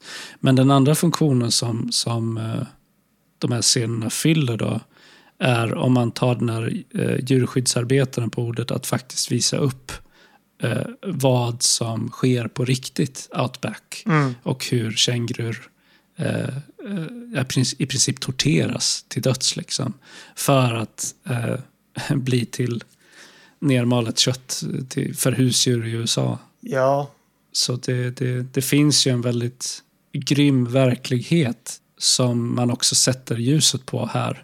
Sen kan man ju ha olika åsikter kring om det är rätt eller fel och så vidare att visa på film. Men jag är ju liksom av den åsikten att, att det är alltid så här intentionen med varför man gör någonting. Som, man måste titta på vad intentionen är. mm. Och intentionen här är ju inte att chockera i underhållningssyfte eller någonting sånt. Utan nej, nej. det är ju Precis. för att visa på någonting väldigt hemskt. Och man har inte, om man tror på vad Ted Kotcheff säger, så har man inte dödat djur för filmens skull. Utan det här var någonting som skedde oavsett om filmen skulle ha gjorts eller inte. Liksom. Jo, jo, men precis. Han nämner ju också det att eh, ja, på grund av filmen, jag vet inte, den var säkert en del i det i alla fall, att man också förbjöd kängurujakt Ja. för just ändamålet att ha det till, till eh, husdjursmatsindustrin. Eh, Så det ger det också att, att faktiskt visa upp det ka- kanske i i någon mån då hade en funktion. Eller att man, det- ledde till någonting eh, viktigt eller positivt. Ja, det här eh, det kulminerar i att han går i tvekamp med en svårt skadad bebiskänguru. och skär halsen av den med kniv. Ja, alltså de har ju en, det är ju en, en grej de har är att de ska brottas med kängurur och skära av svansen på dem. Det är ju en grej som, som det här gänget har och då ska ju han visa att han kan. Precis, han är vilt påhejad av, av de andra eh, männen. Det är som den slutgiltiga initi, ini, initiationsriten för att han ska bli accepterad som en i gänget bland alla Bundanjaba macho-män. Mm. Eh, men jag tycker att Gary Bond spelar de här scenerna väldigt bra för att Grantos pendlar mellan äckel och upprymdhet under den här jakten. Att man kan se det i hans ansiktsuttryck Ja, och, och liksom hur han agerar. Att, att han är eh, han, han, han är fylld av en inre konflikt kring vad han upplever. Ehm, men det är tydligt att han i någon mån uppskattar det här också. Liksom. Ja, ja, alltså det går ju helt i linje med, med filmen i övrigt. Att man ser, det, det är verkligen som du säger, att det, i vissa... Det är som att han för en sekund eh, eh, förstår vad han gör, men sen eh, både vilt påhejad och vilt drickande bara kör järnet vidare. Eh, Ja. Och det är väl senare på, på, på den här kvällen när han... Han ska ju sova hemma hos Doc Tydon. Som, eh, som slutar i att de har sex med varandra. Man får ju inte se det, men han vaknar upp dagen efter nakna bredvid varandra på golvet. Liksom. Mm. Eh, men i, alltså det är också en så här... Det är en typisk så här obehaglig scen eh, när, som, som inleds med att de båda männen då är stupfulla och slåss. Och det slutar med att Doc Tydon liksom övermannar Grant, brottar ner honom på golvet. Varefter Grant till synes mjuknar och, och besvarar de här närmandena. Då. Liksom, och när, när Grant vaknar morgonen därpå så verkar han ju väldigt ångestfull över minnet kring vad som hände föregående kväll. Jo, men, men vid det här laget är det ju också väldigt tydligt att det här är ju en film som hatar människor. Eh, det, det, det är ju en ren och skär nihilism som den här filmen Ja. bygger på, vilket jag tycker är eh, den här filmens sto, stora förtjänst. Eh, Att den inte heller väjer för det. Det vi ska komma lite till det, för jag tror att vissa kanske upplever att slutet väjer för det. Det upplever inte jag, utan jag ser ju det här som att den här filmen Ja, att, om inte hatar i alla fall vill visa människor som det jävligaste som finns på den här jorden. Och allt det här som sker är ju en, en del i det bara. Ja, verkligen. Nej, men det är ju efter den här upplevelsen då, eh, kvällen innan och med allt som har hänt liksom. Eh, som eh, han bestämmer sig för att han ska lämna Bundanjaba. Man har inga pengar så liksom enda alternativet han har det är att, att, att, att lämna staden till fots. Så han dumpar liksom alla tunga grejer han har i sin resväska. Bland annat dumpar han ju alla sina bö- böcker i ett dike. Eh, och det här är ju förstås betydelsefullt. En av böckerna som, som han kastar där i diket är Platons verk Dialoger. Eh, och eh, det är såklart eh, inte en slump att man har valt att låta honom kasta just den boken eftersom det är en av de viktigaste litterära grundpelarna inom västerländsk filosofi och den västerländska civilisationen överhuvudtaget. Mm. Så vid det här laget så är det som att Grant, han är som en sån människa reducerad till, sin, till sina mest basala och primitiva instinkter. Ja. Hans enda syfte, att bara överleva. Så han vandrar och liftar genom öknen och jagar kaniner och grillar dem över öppen eld. Och sen till slut så träffar han en lastbilschaffis vid en bensinmack. Han tror att han ska få lift till Sydney för att den här snubben säger att han ska till stan. Liksom. Och då, då tror Grant att det är Sydney. Men sen när han vaknar upp Han, han har ju fått geväret eh, som han jagade med så han kan ju få lift med den här chaffisen för att han ger honom geväret. Ja, precis. Men sen när han vaknar på, på flaket dagen efter så visar det sig att chaffisen har ju bara kört honom tillbaka till Bunlanjapa. Ja, ja. Det, han säger väl något i stil med att ja, men det är också en stad. ja, det är också en stad. Det, Eh, så mardrömmen har ju ingen ände. Han kan liksom inte ta sig därifrån. Och eh, här får han ju liksom en knäpp och i desperation så går han ju hem till Doc Tidon igen och, och sätter sig där i hörnet och väntar på att han ska komma hem för att han verkar tänka att han ska skjuta ihjäl honom liksom. ja, för alltså Doc Tidon har ju blivit eh, bilden av vad som är fel med den här platsen. Precis. Och, vad, och också vad som är fel med honom. Ja, jo men exakt. Det, det, precis. Alltså det, det är så som man... Det är som det definierande exemplet på vad som, hur man inte ska vara, men det är ju, det är ju han själv Ja. också. Exakt. Det är som att i hans, eh, i hans sinne så har Doc Tydon blivit symbolen för allt det förfall som han själv har genomlevt. Och det är väl det som gör att han till slut sen liksom vänder geväret mot sig själv och skjuter sig själv i huvudet för att han någonstans inser att ja, men det är inte, jag, jag får ingen slut på det här genom att mörda Doc Tydon utan jag måste liksom, det enda jag kan göra är att skjuta mig själv Mm. eh, för att få det här att ta slut. För han står väl inte ut med eh, vad han har insett att han är kapabel till. Nej, nej, precis. Och, och liksom allt som har skett under de här få dagarna som han har spenderat i Bunanyaba. Ja, han är helt förfallen och för alltid förändrad som människa Ja, efter det här. Han har ju, precis som du säger, han har just det att han har förstått vad man, vad inte bara människor är kapabla till, utan vad han är kapabel till. Trots att han var lärare. precis. Och trots att han liksom såg sig själv som så vida överlägsen de här primitiva typerna som han stöter på i den här stan och sen liksom, det tar inte speciellt lång tid för att han ska sjunka till deras nivå. Eh, Nej. Vilket i någon mån gör det ännu värre att han gör det för att han borde ju veta bättre då. Han, han vet ju något annat än den här miljön medan de här som bor där kanske har bott där hela livet. De är liksom de, de är eh, stöpta i den här väldigt destruktiva liksom, kulturen medan han kommer ifrån en annan plats, en annan bakgrund och borde veta bättre. Men det är väl just det där med när man har eh, bedövat det där nog mycket så, så filas det där bort Ja. på något vis. Men han överlever ju, han hamnar på sjukhus och verkar ha blivit räddad av Doc- Tydon då, som har tagit honom till, till ett sjukhus. Eh, ja, och sen är ju filmen i princip slut. Han åker tillbaka till sitt jobb som lärare. Han har inget val. Ja, ett nytt, ett nytt skolår bara. Och på något sätt så är det som att den här kamerapanoreringen i början av filmen sammanfattar hela filmens mening och essens. Det här med att när sluttexterna rullar så har ingenting förändrats. Precis som kameran kommer full cirkel så gör även huvudkaraktären det på slutet. Allt är precis lika jävligt, om inte betydligt jävligare.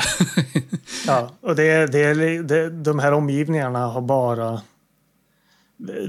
fått ett nytt offer ja, på något vis. Det, det är inget som har hänt mer än, än det som händer varje dag. nej. Jag tycker att det är svårt på slutet att säga om Grant är en trasigare eller helare människa när eftertexterna rullar. Alltså. Det var det här jag undrar lite över, för jag hade en ganska tydlig bild av eh, och det- jag tror att det kanske är lite hur man är lagd och vad man är tillvänd. Som jag sa tidigare, jag är ju väldigt tillvänd. Det faktum att den här filmen är så otroligt nihilistisk. Ja, det är. Alltså definitivt. Och, och jag tolkar ju det här slutet som att han förstår vad han är kapabel till och förstår att det aldrig kan bli som förr. Mm. Men när jag läste, när jag var och läste om annat och läste om slutet på Wikipedia, där skriver de så här. Doc takes him to the railway station where they quietly make peace with each other, no longer contemptuous of the outback's inhabitants and more assured of himself. John returns to Tibunda to begin a new school year.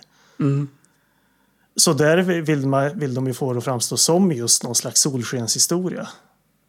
Jag tolkar ju aldrig som att han har kommit ut ur det här och ser med, med ljus på alla de som bor här. Utan det, jag ser, det snarare som att han kommer ut ur det här bara med mörker inför sig själv. Mm. Och för, inför vad han har blivit efter det här. Och att han förstår kanske att det här är platsen han hör hemma på på något vis. Ja, och det är det jag menar. För jag tänker att det är den vägen Doc Tydons karaktär har vandrat i ett tidigare skede av sitt liv också. Ja, Alltså att han har nått en självkännedom om eh, vem han är, eller bara förstår sin egen natur. Så det är det jag menar, så här, alltså jag håller helt med dig. Det här är en djupt nihilistisk berättelse. Det finns liksom ingen hoppfullhet i den här historien överhuvudtaget. Mm. Men jag undrar på slutet om Grant, hur han tolka det som har skett i sitt eget huvud med lite perspektiv på det. Om det liksom gör honom eh, till att han, han vänder sig ifrån sig själv och det han har upptäckt om sig själv.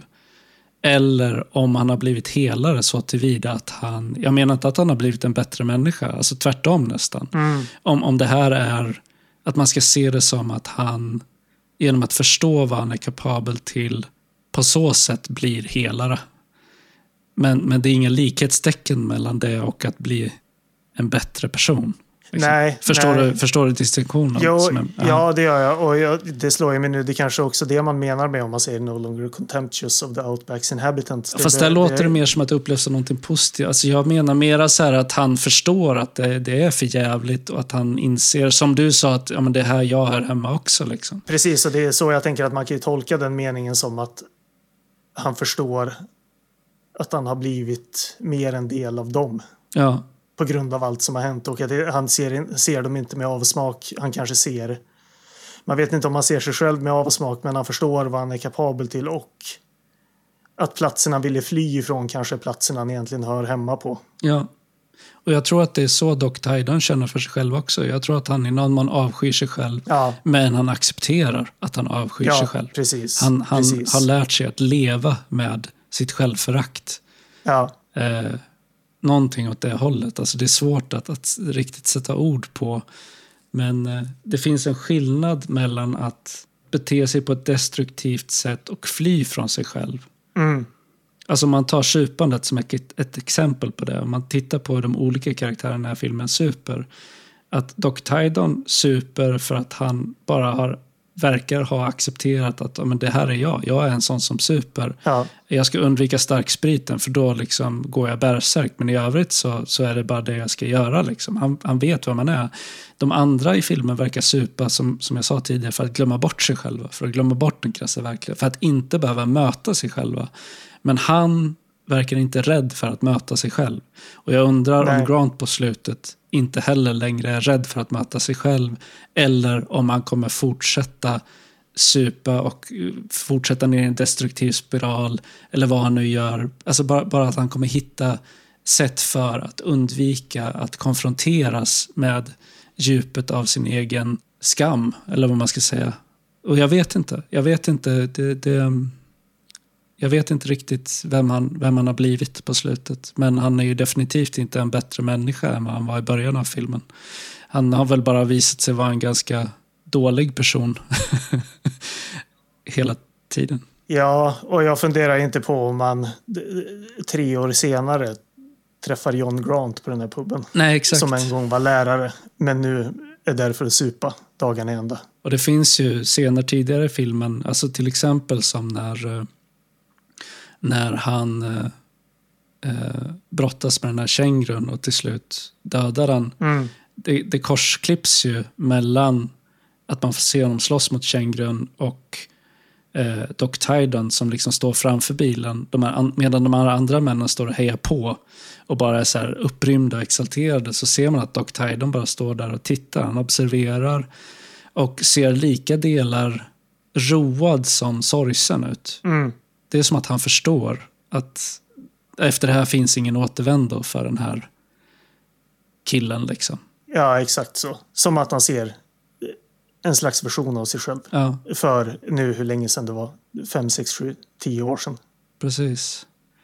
Så det finns väldigt många sådana där dimensioner av den här filmen som, som jag tycker är så jäkla välgjorda. Ja, och alltså det finns ju en bildruta också som förekommer på flera ställen och i, alltså, runt filmen men också i filmen. Precis samma symbolik som är med i The Hitcher när, fast där då Doc Tydon har de här två mynten över sina ögon.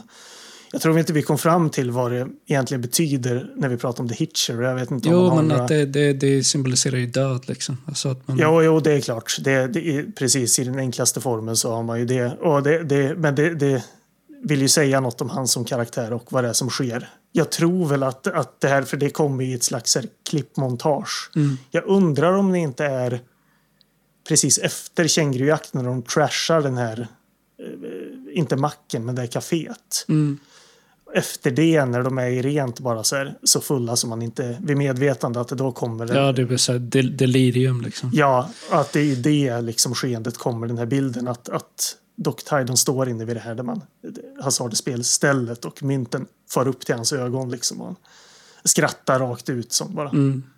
Det finns ju andra återkommande bilder som, som på olika sätt handlar om att bli bländad. Och att i att bli bländad så blir man hypnotiserad. Mm. Det hände första gången när Grant förlorar alla sina pengar, alltså det här sista eh, förlorande kastet. Så tittar han upp mot taket när, när mynten liksom flyger iväg. Och så blir han bländad av, av lampan som är ovanför honom. Och sen eh, får man ju reda på senare när han ska ut och jaga känguru att en metod för att jaga känguru, känguru är att man bländar dem med, med strålkastarlyktor för de blir som hypnotiserade. De blir helt så paralyserade och så vidare. Det är ju genom det den här jakt, jaktsekvensen är filmad. Kameran sitter ju vid strålkastarna så man får tydligt se att de, det är ju därför de jagar nattetid för att de ska kunna blända kängurur med sina strålkastare på bilarna. Och det återkommer flera andra gånger också, även när den här, det, här, eh, det som, eh, som kulminerar i att eh, Doc Tydon och eh, Grant har sex med varandra. Mm. Alltså att det börjar med ett slagsmål och sen övergår till att de liksom omfamnas på något väldigt märkligt och obehagligt sätt. Mm. Eh, där är det också korsklipps det med, med lampan i taket som svingar fram och tillbaka och liksom stundtals bländar Grant. Så alltså i någon, det är som att det känns som att man vill säga någonting om att precis som liksom känguruna då blir paralyserade av att bländas av det här ljuset så är det som att han eh, som, som åtminstone till en början offer också bländas Jo, av de här strålkastarna och, och blir oförmögen att agera. Oförmögen att... Alltså som att han förlorar sig själv i, i det här ljuset. ja, ja men precis. Att när han ställs inför, ja men framförallt det drickandet så är det ju som att de lyser den här strålkastaren i ansiktet på honom. Så i slutet så är det som att han är både förövare och offer. Liksom. Ja, jo, precis. Han, han är både kängurun och mannen som håller i kniven och skär, känguruns, skär halsen av kängurun. Liksom. Mm. Ja, det är otroligt eh, deppigt och förtvivlat och hemskt allting. Mm. Men jag är så glad över att den, den löper linan ut. Ja, ja. Ja, Det hade inte en film gjort på en annan, annan plats i världen tror jag. Av en annan regissör. kanske inte ett annat decennium heller. Det känns ju väldigt typiskt Nej. 70-talsrulle på så sätt. Jo, jo, precis. Verkligen. Nej men den är svinbra, alltså den är obehaglig som fan och fortfarande högaktuell på många sätt. Absolut. Jag Absolut. tycker att det är helt klart en av de starkaste skildringarna som i alla fall jag har sett av, av själsligt och mänskligt förfall.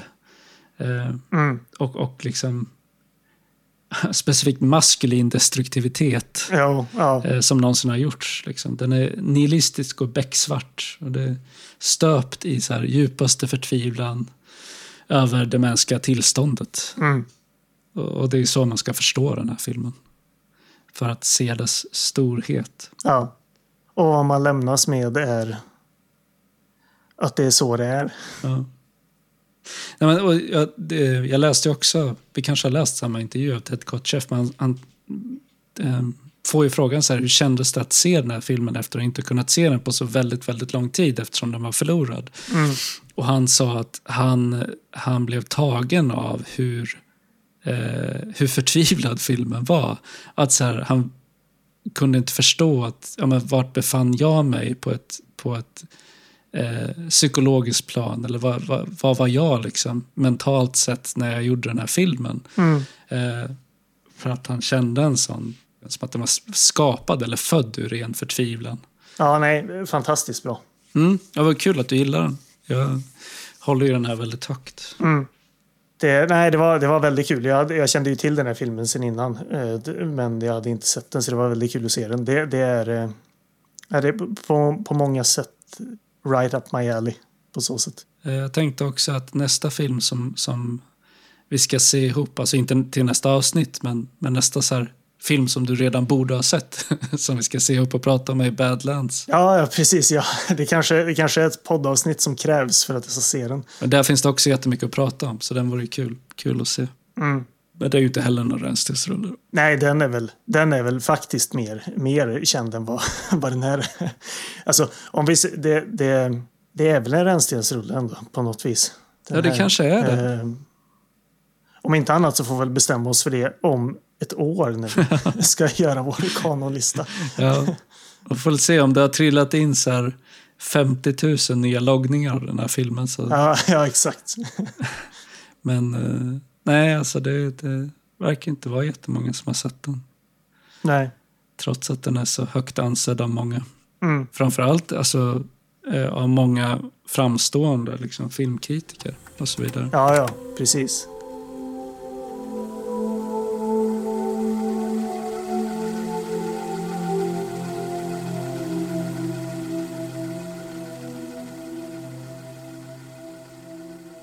Vad ska vi prata om i nästa avsnitt då? Vet vi det? Nej, jag, jag vet faktiskt inte. Jag kom att tänka på det igår. Att vi har ju faktiskt inte... Vi har ju ett par teman i luften, men jag tror väl inte att vi faktiskt har spikat något. Det är ju ett par veckor kvar till nästa avsnitt nu, så vi kan ju faktiskt eh, fundera en stund. Ja, det kan vi göra. Och eh, eh, återkomma med det framöver. Vi får se om det blir trevligare stämning i, i nästa avsnitt. Trevligare filmer. Ja. Ska vi utlova någonting glatt och livsbejakande? Ja, det är svårt att säga. Det kan ju vara om det, det, Man kan väl tänka sig att vi kan sikta mot det i alla fall. Men, Ja. men sen så vad, vad det faktiskt blir för filmer. Det, det, det kan ju vara att man ibland siktar mot det, men sen när man faktiskt ser filmerna att det blir något helt annat. Så det, Vi får se. ja, det, det, behöver, det, det kanske inte blir nattsvart nihilism i alla Nej. fall. Så långt kan man Nej. ändå sträcka sig till. Att, Men eh, dessförinnan så hinner det väl komma ett eh, mellanavsnitt, eh, hoppas jag, om två veckor. Vi får se. Ja. Förhoppningsvis. vid, vid, det, ja, alltså vid det här laget, när man lyssnar på det här, så har man ju hört ett mellanavsnitt Mm. som har kommit. Och så får vi väl se om det dyker upp ett mellan det här avsnittet och nästkommande. Eller, eller vad vi hittar på. Men eh, ha det så bra då, så hörs vi. Ja, fyra veckor som det är nu. Det här är Ja, faktiskt vårt första avsnitt i ny släpptakt. Så. Precis, så nästa liksom eh, riktiga filmavsnitt, eller vad man ska kalla det, kommer ju komma då den 14 mars. Blir det. Ja, Ja, nej men vi, vi hörs snart igen. Ha det bra. det gör vi. Ha det bra. Hej då!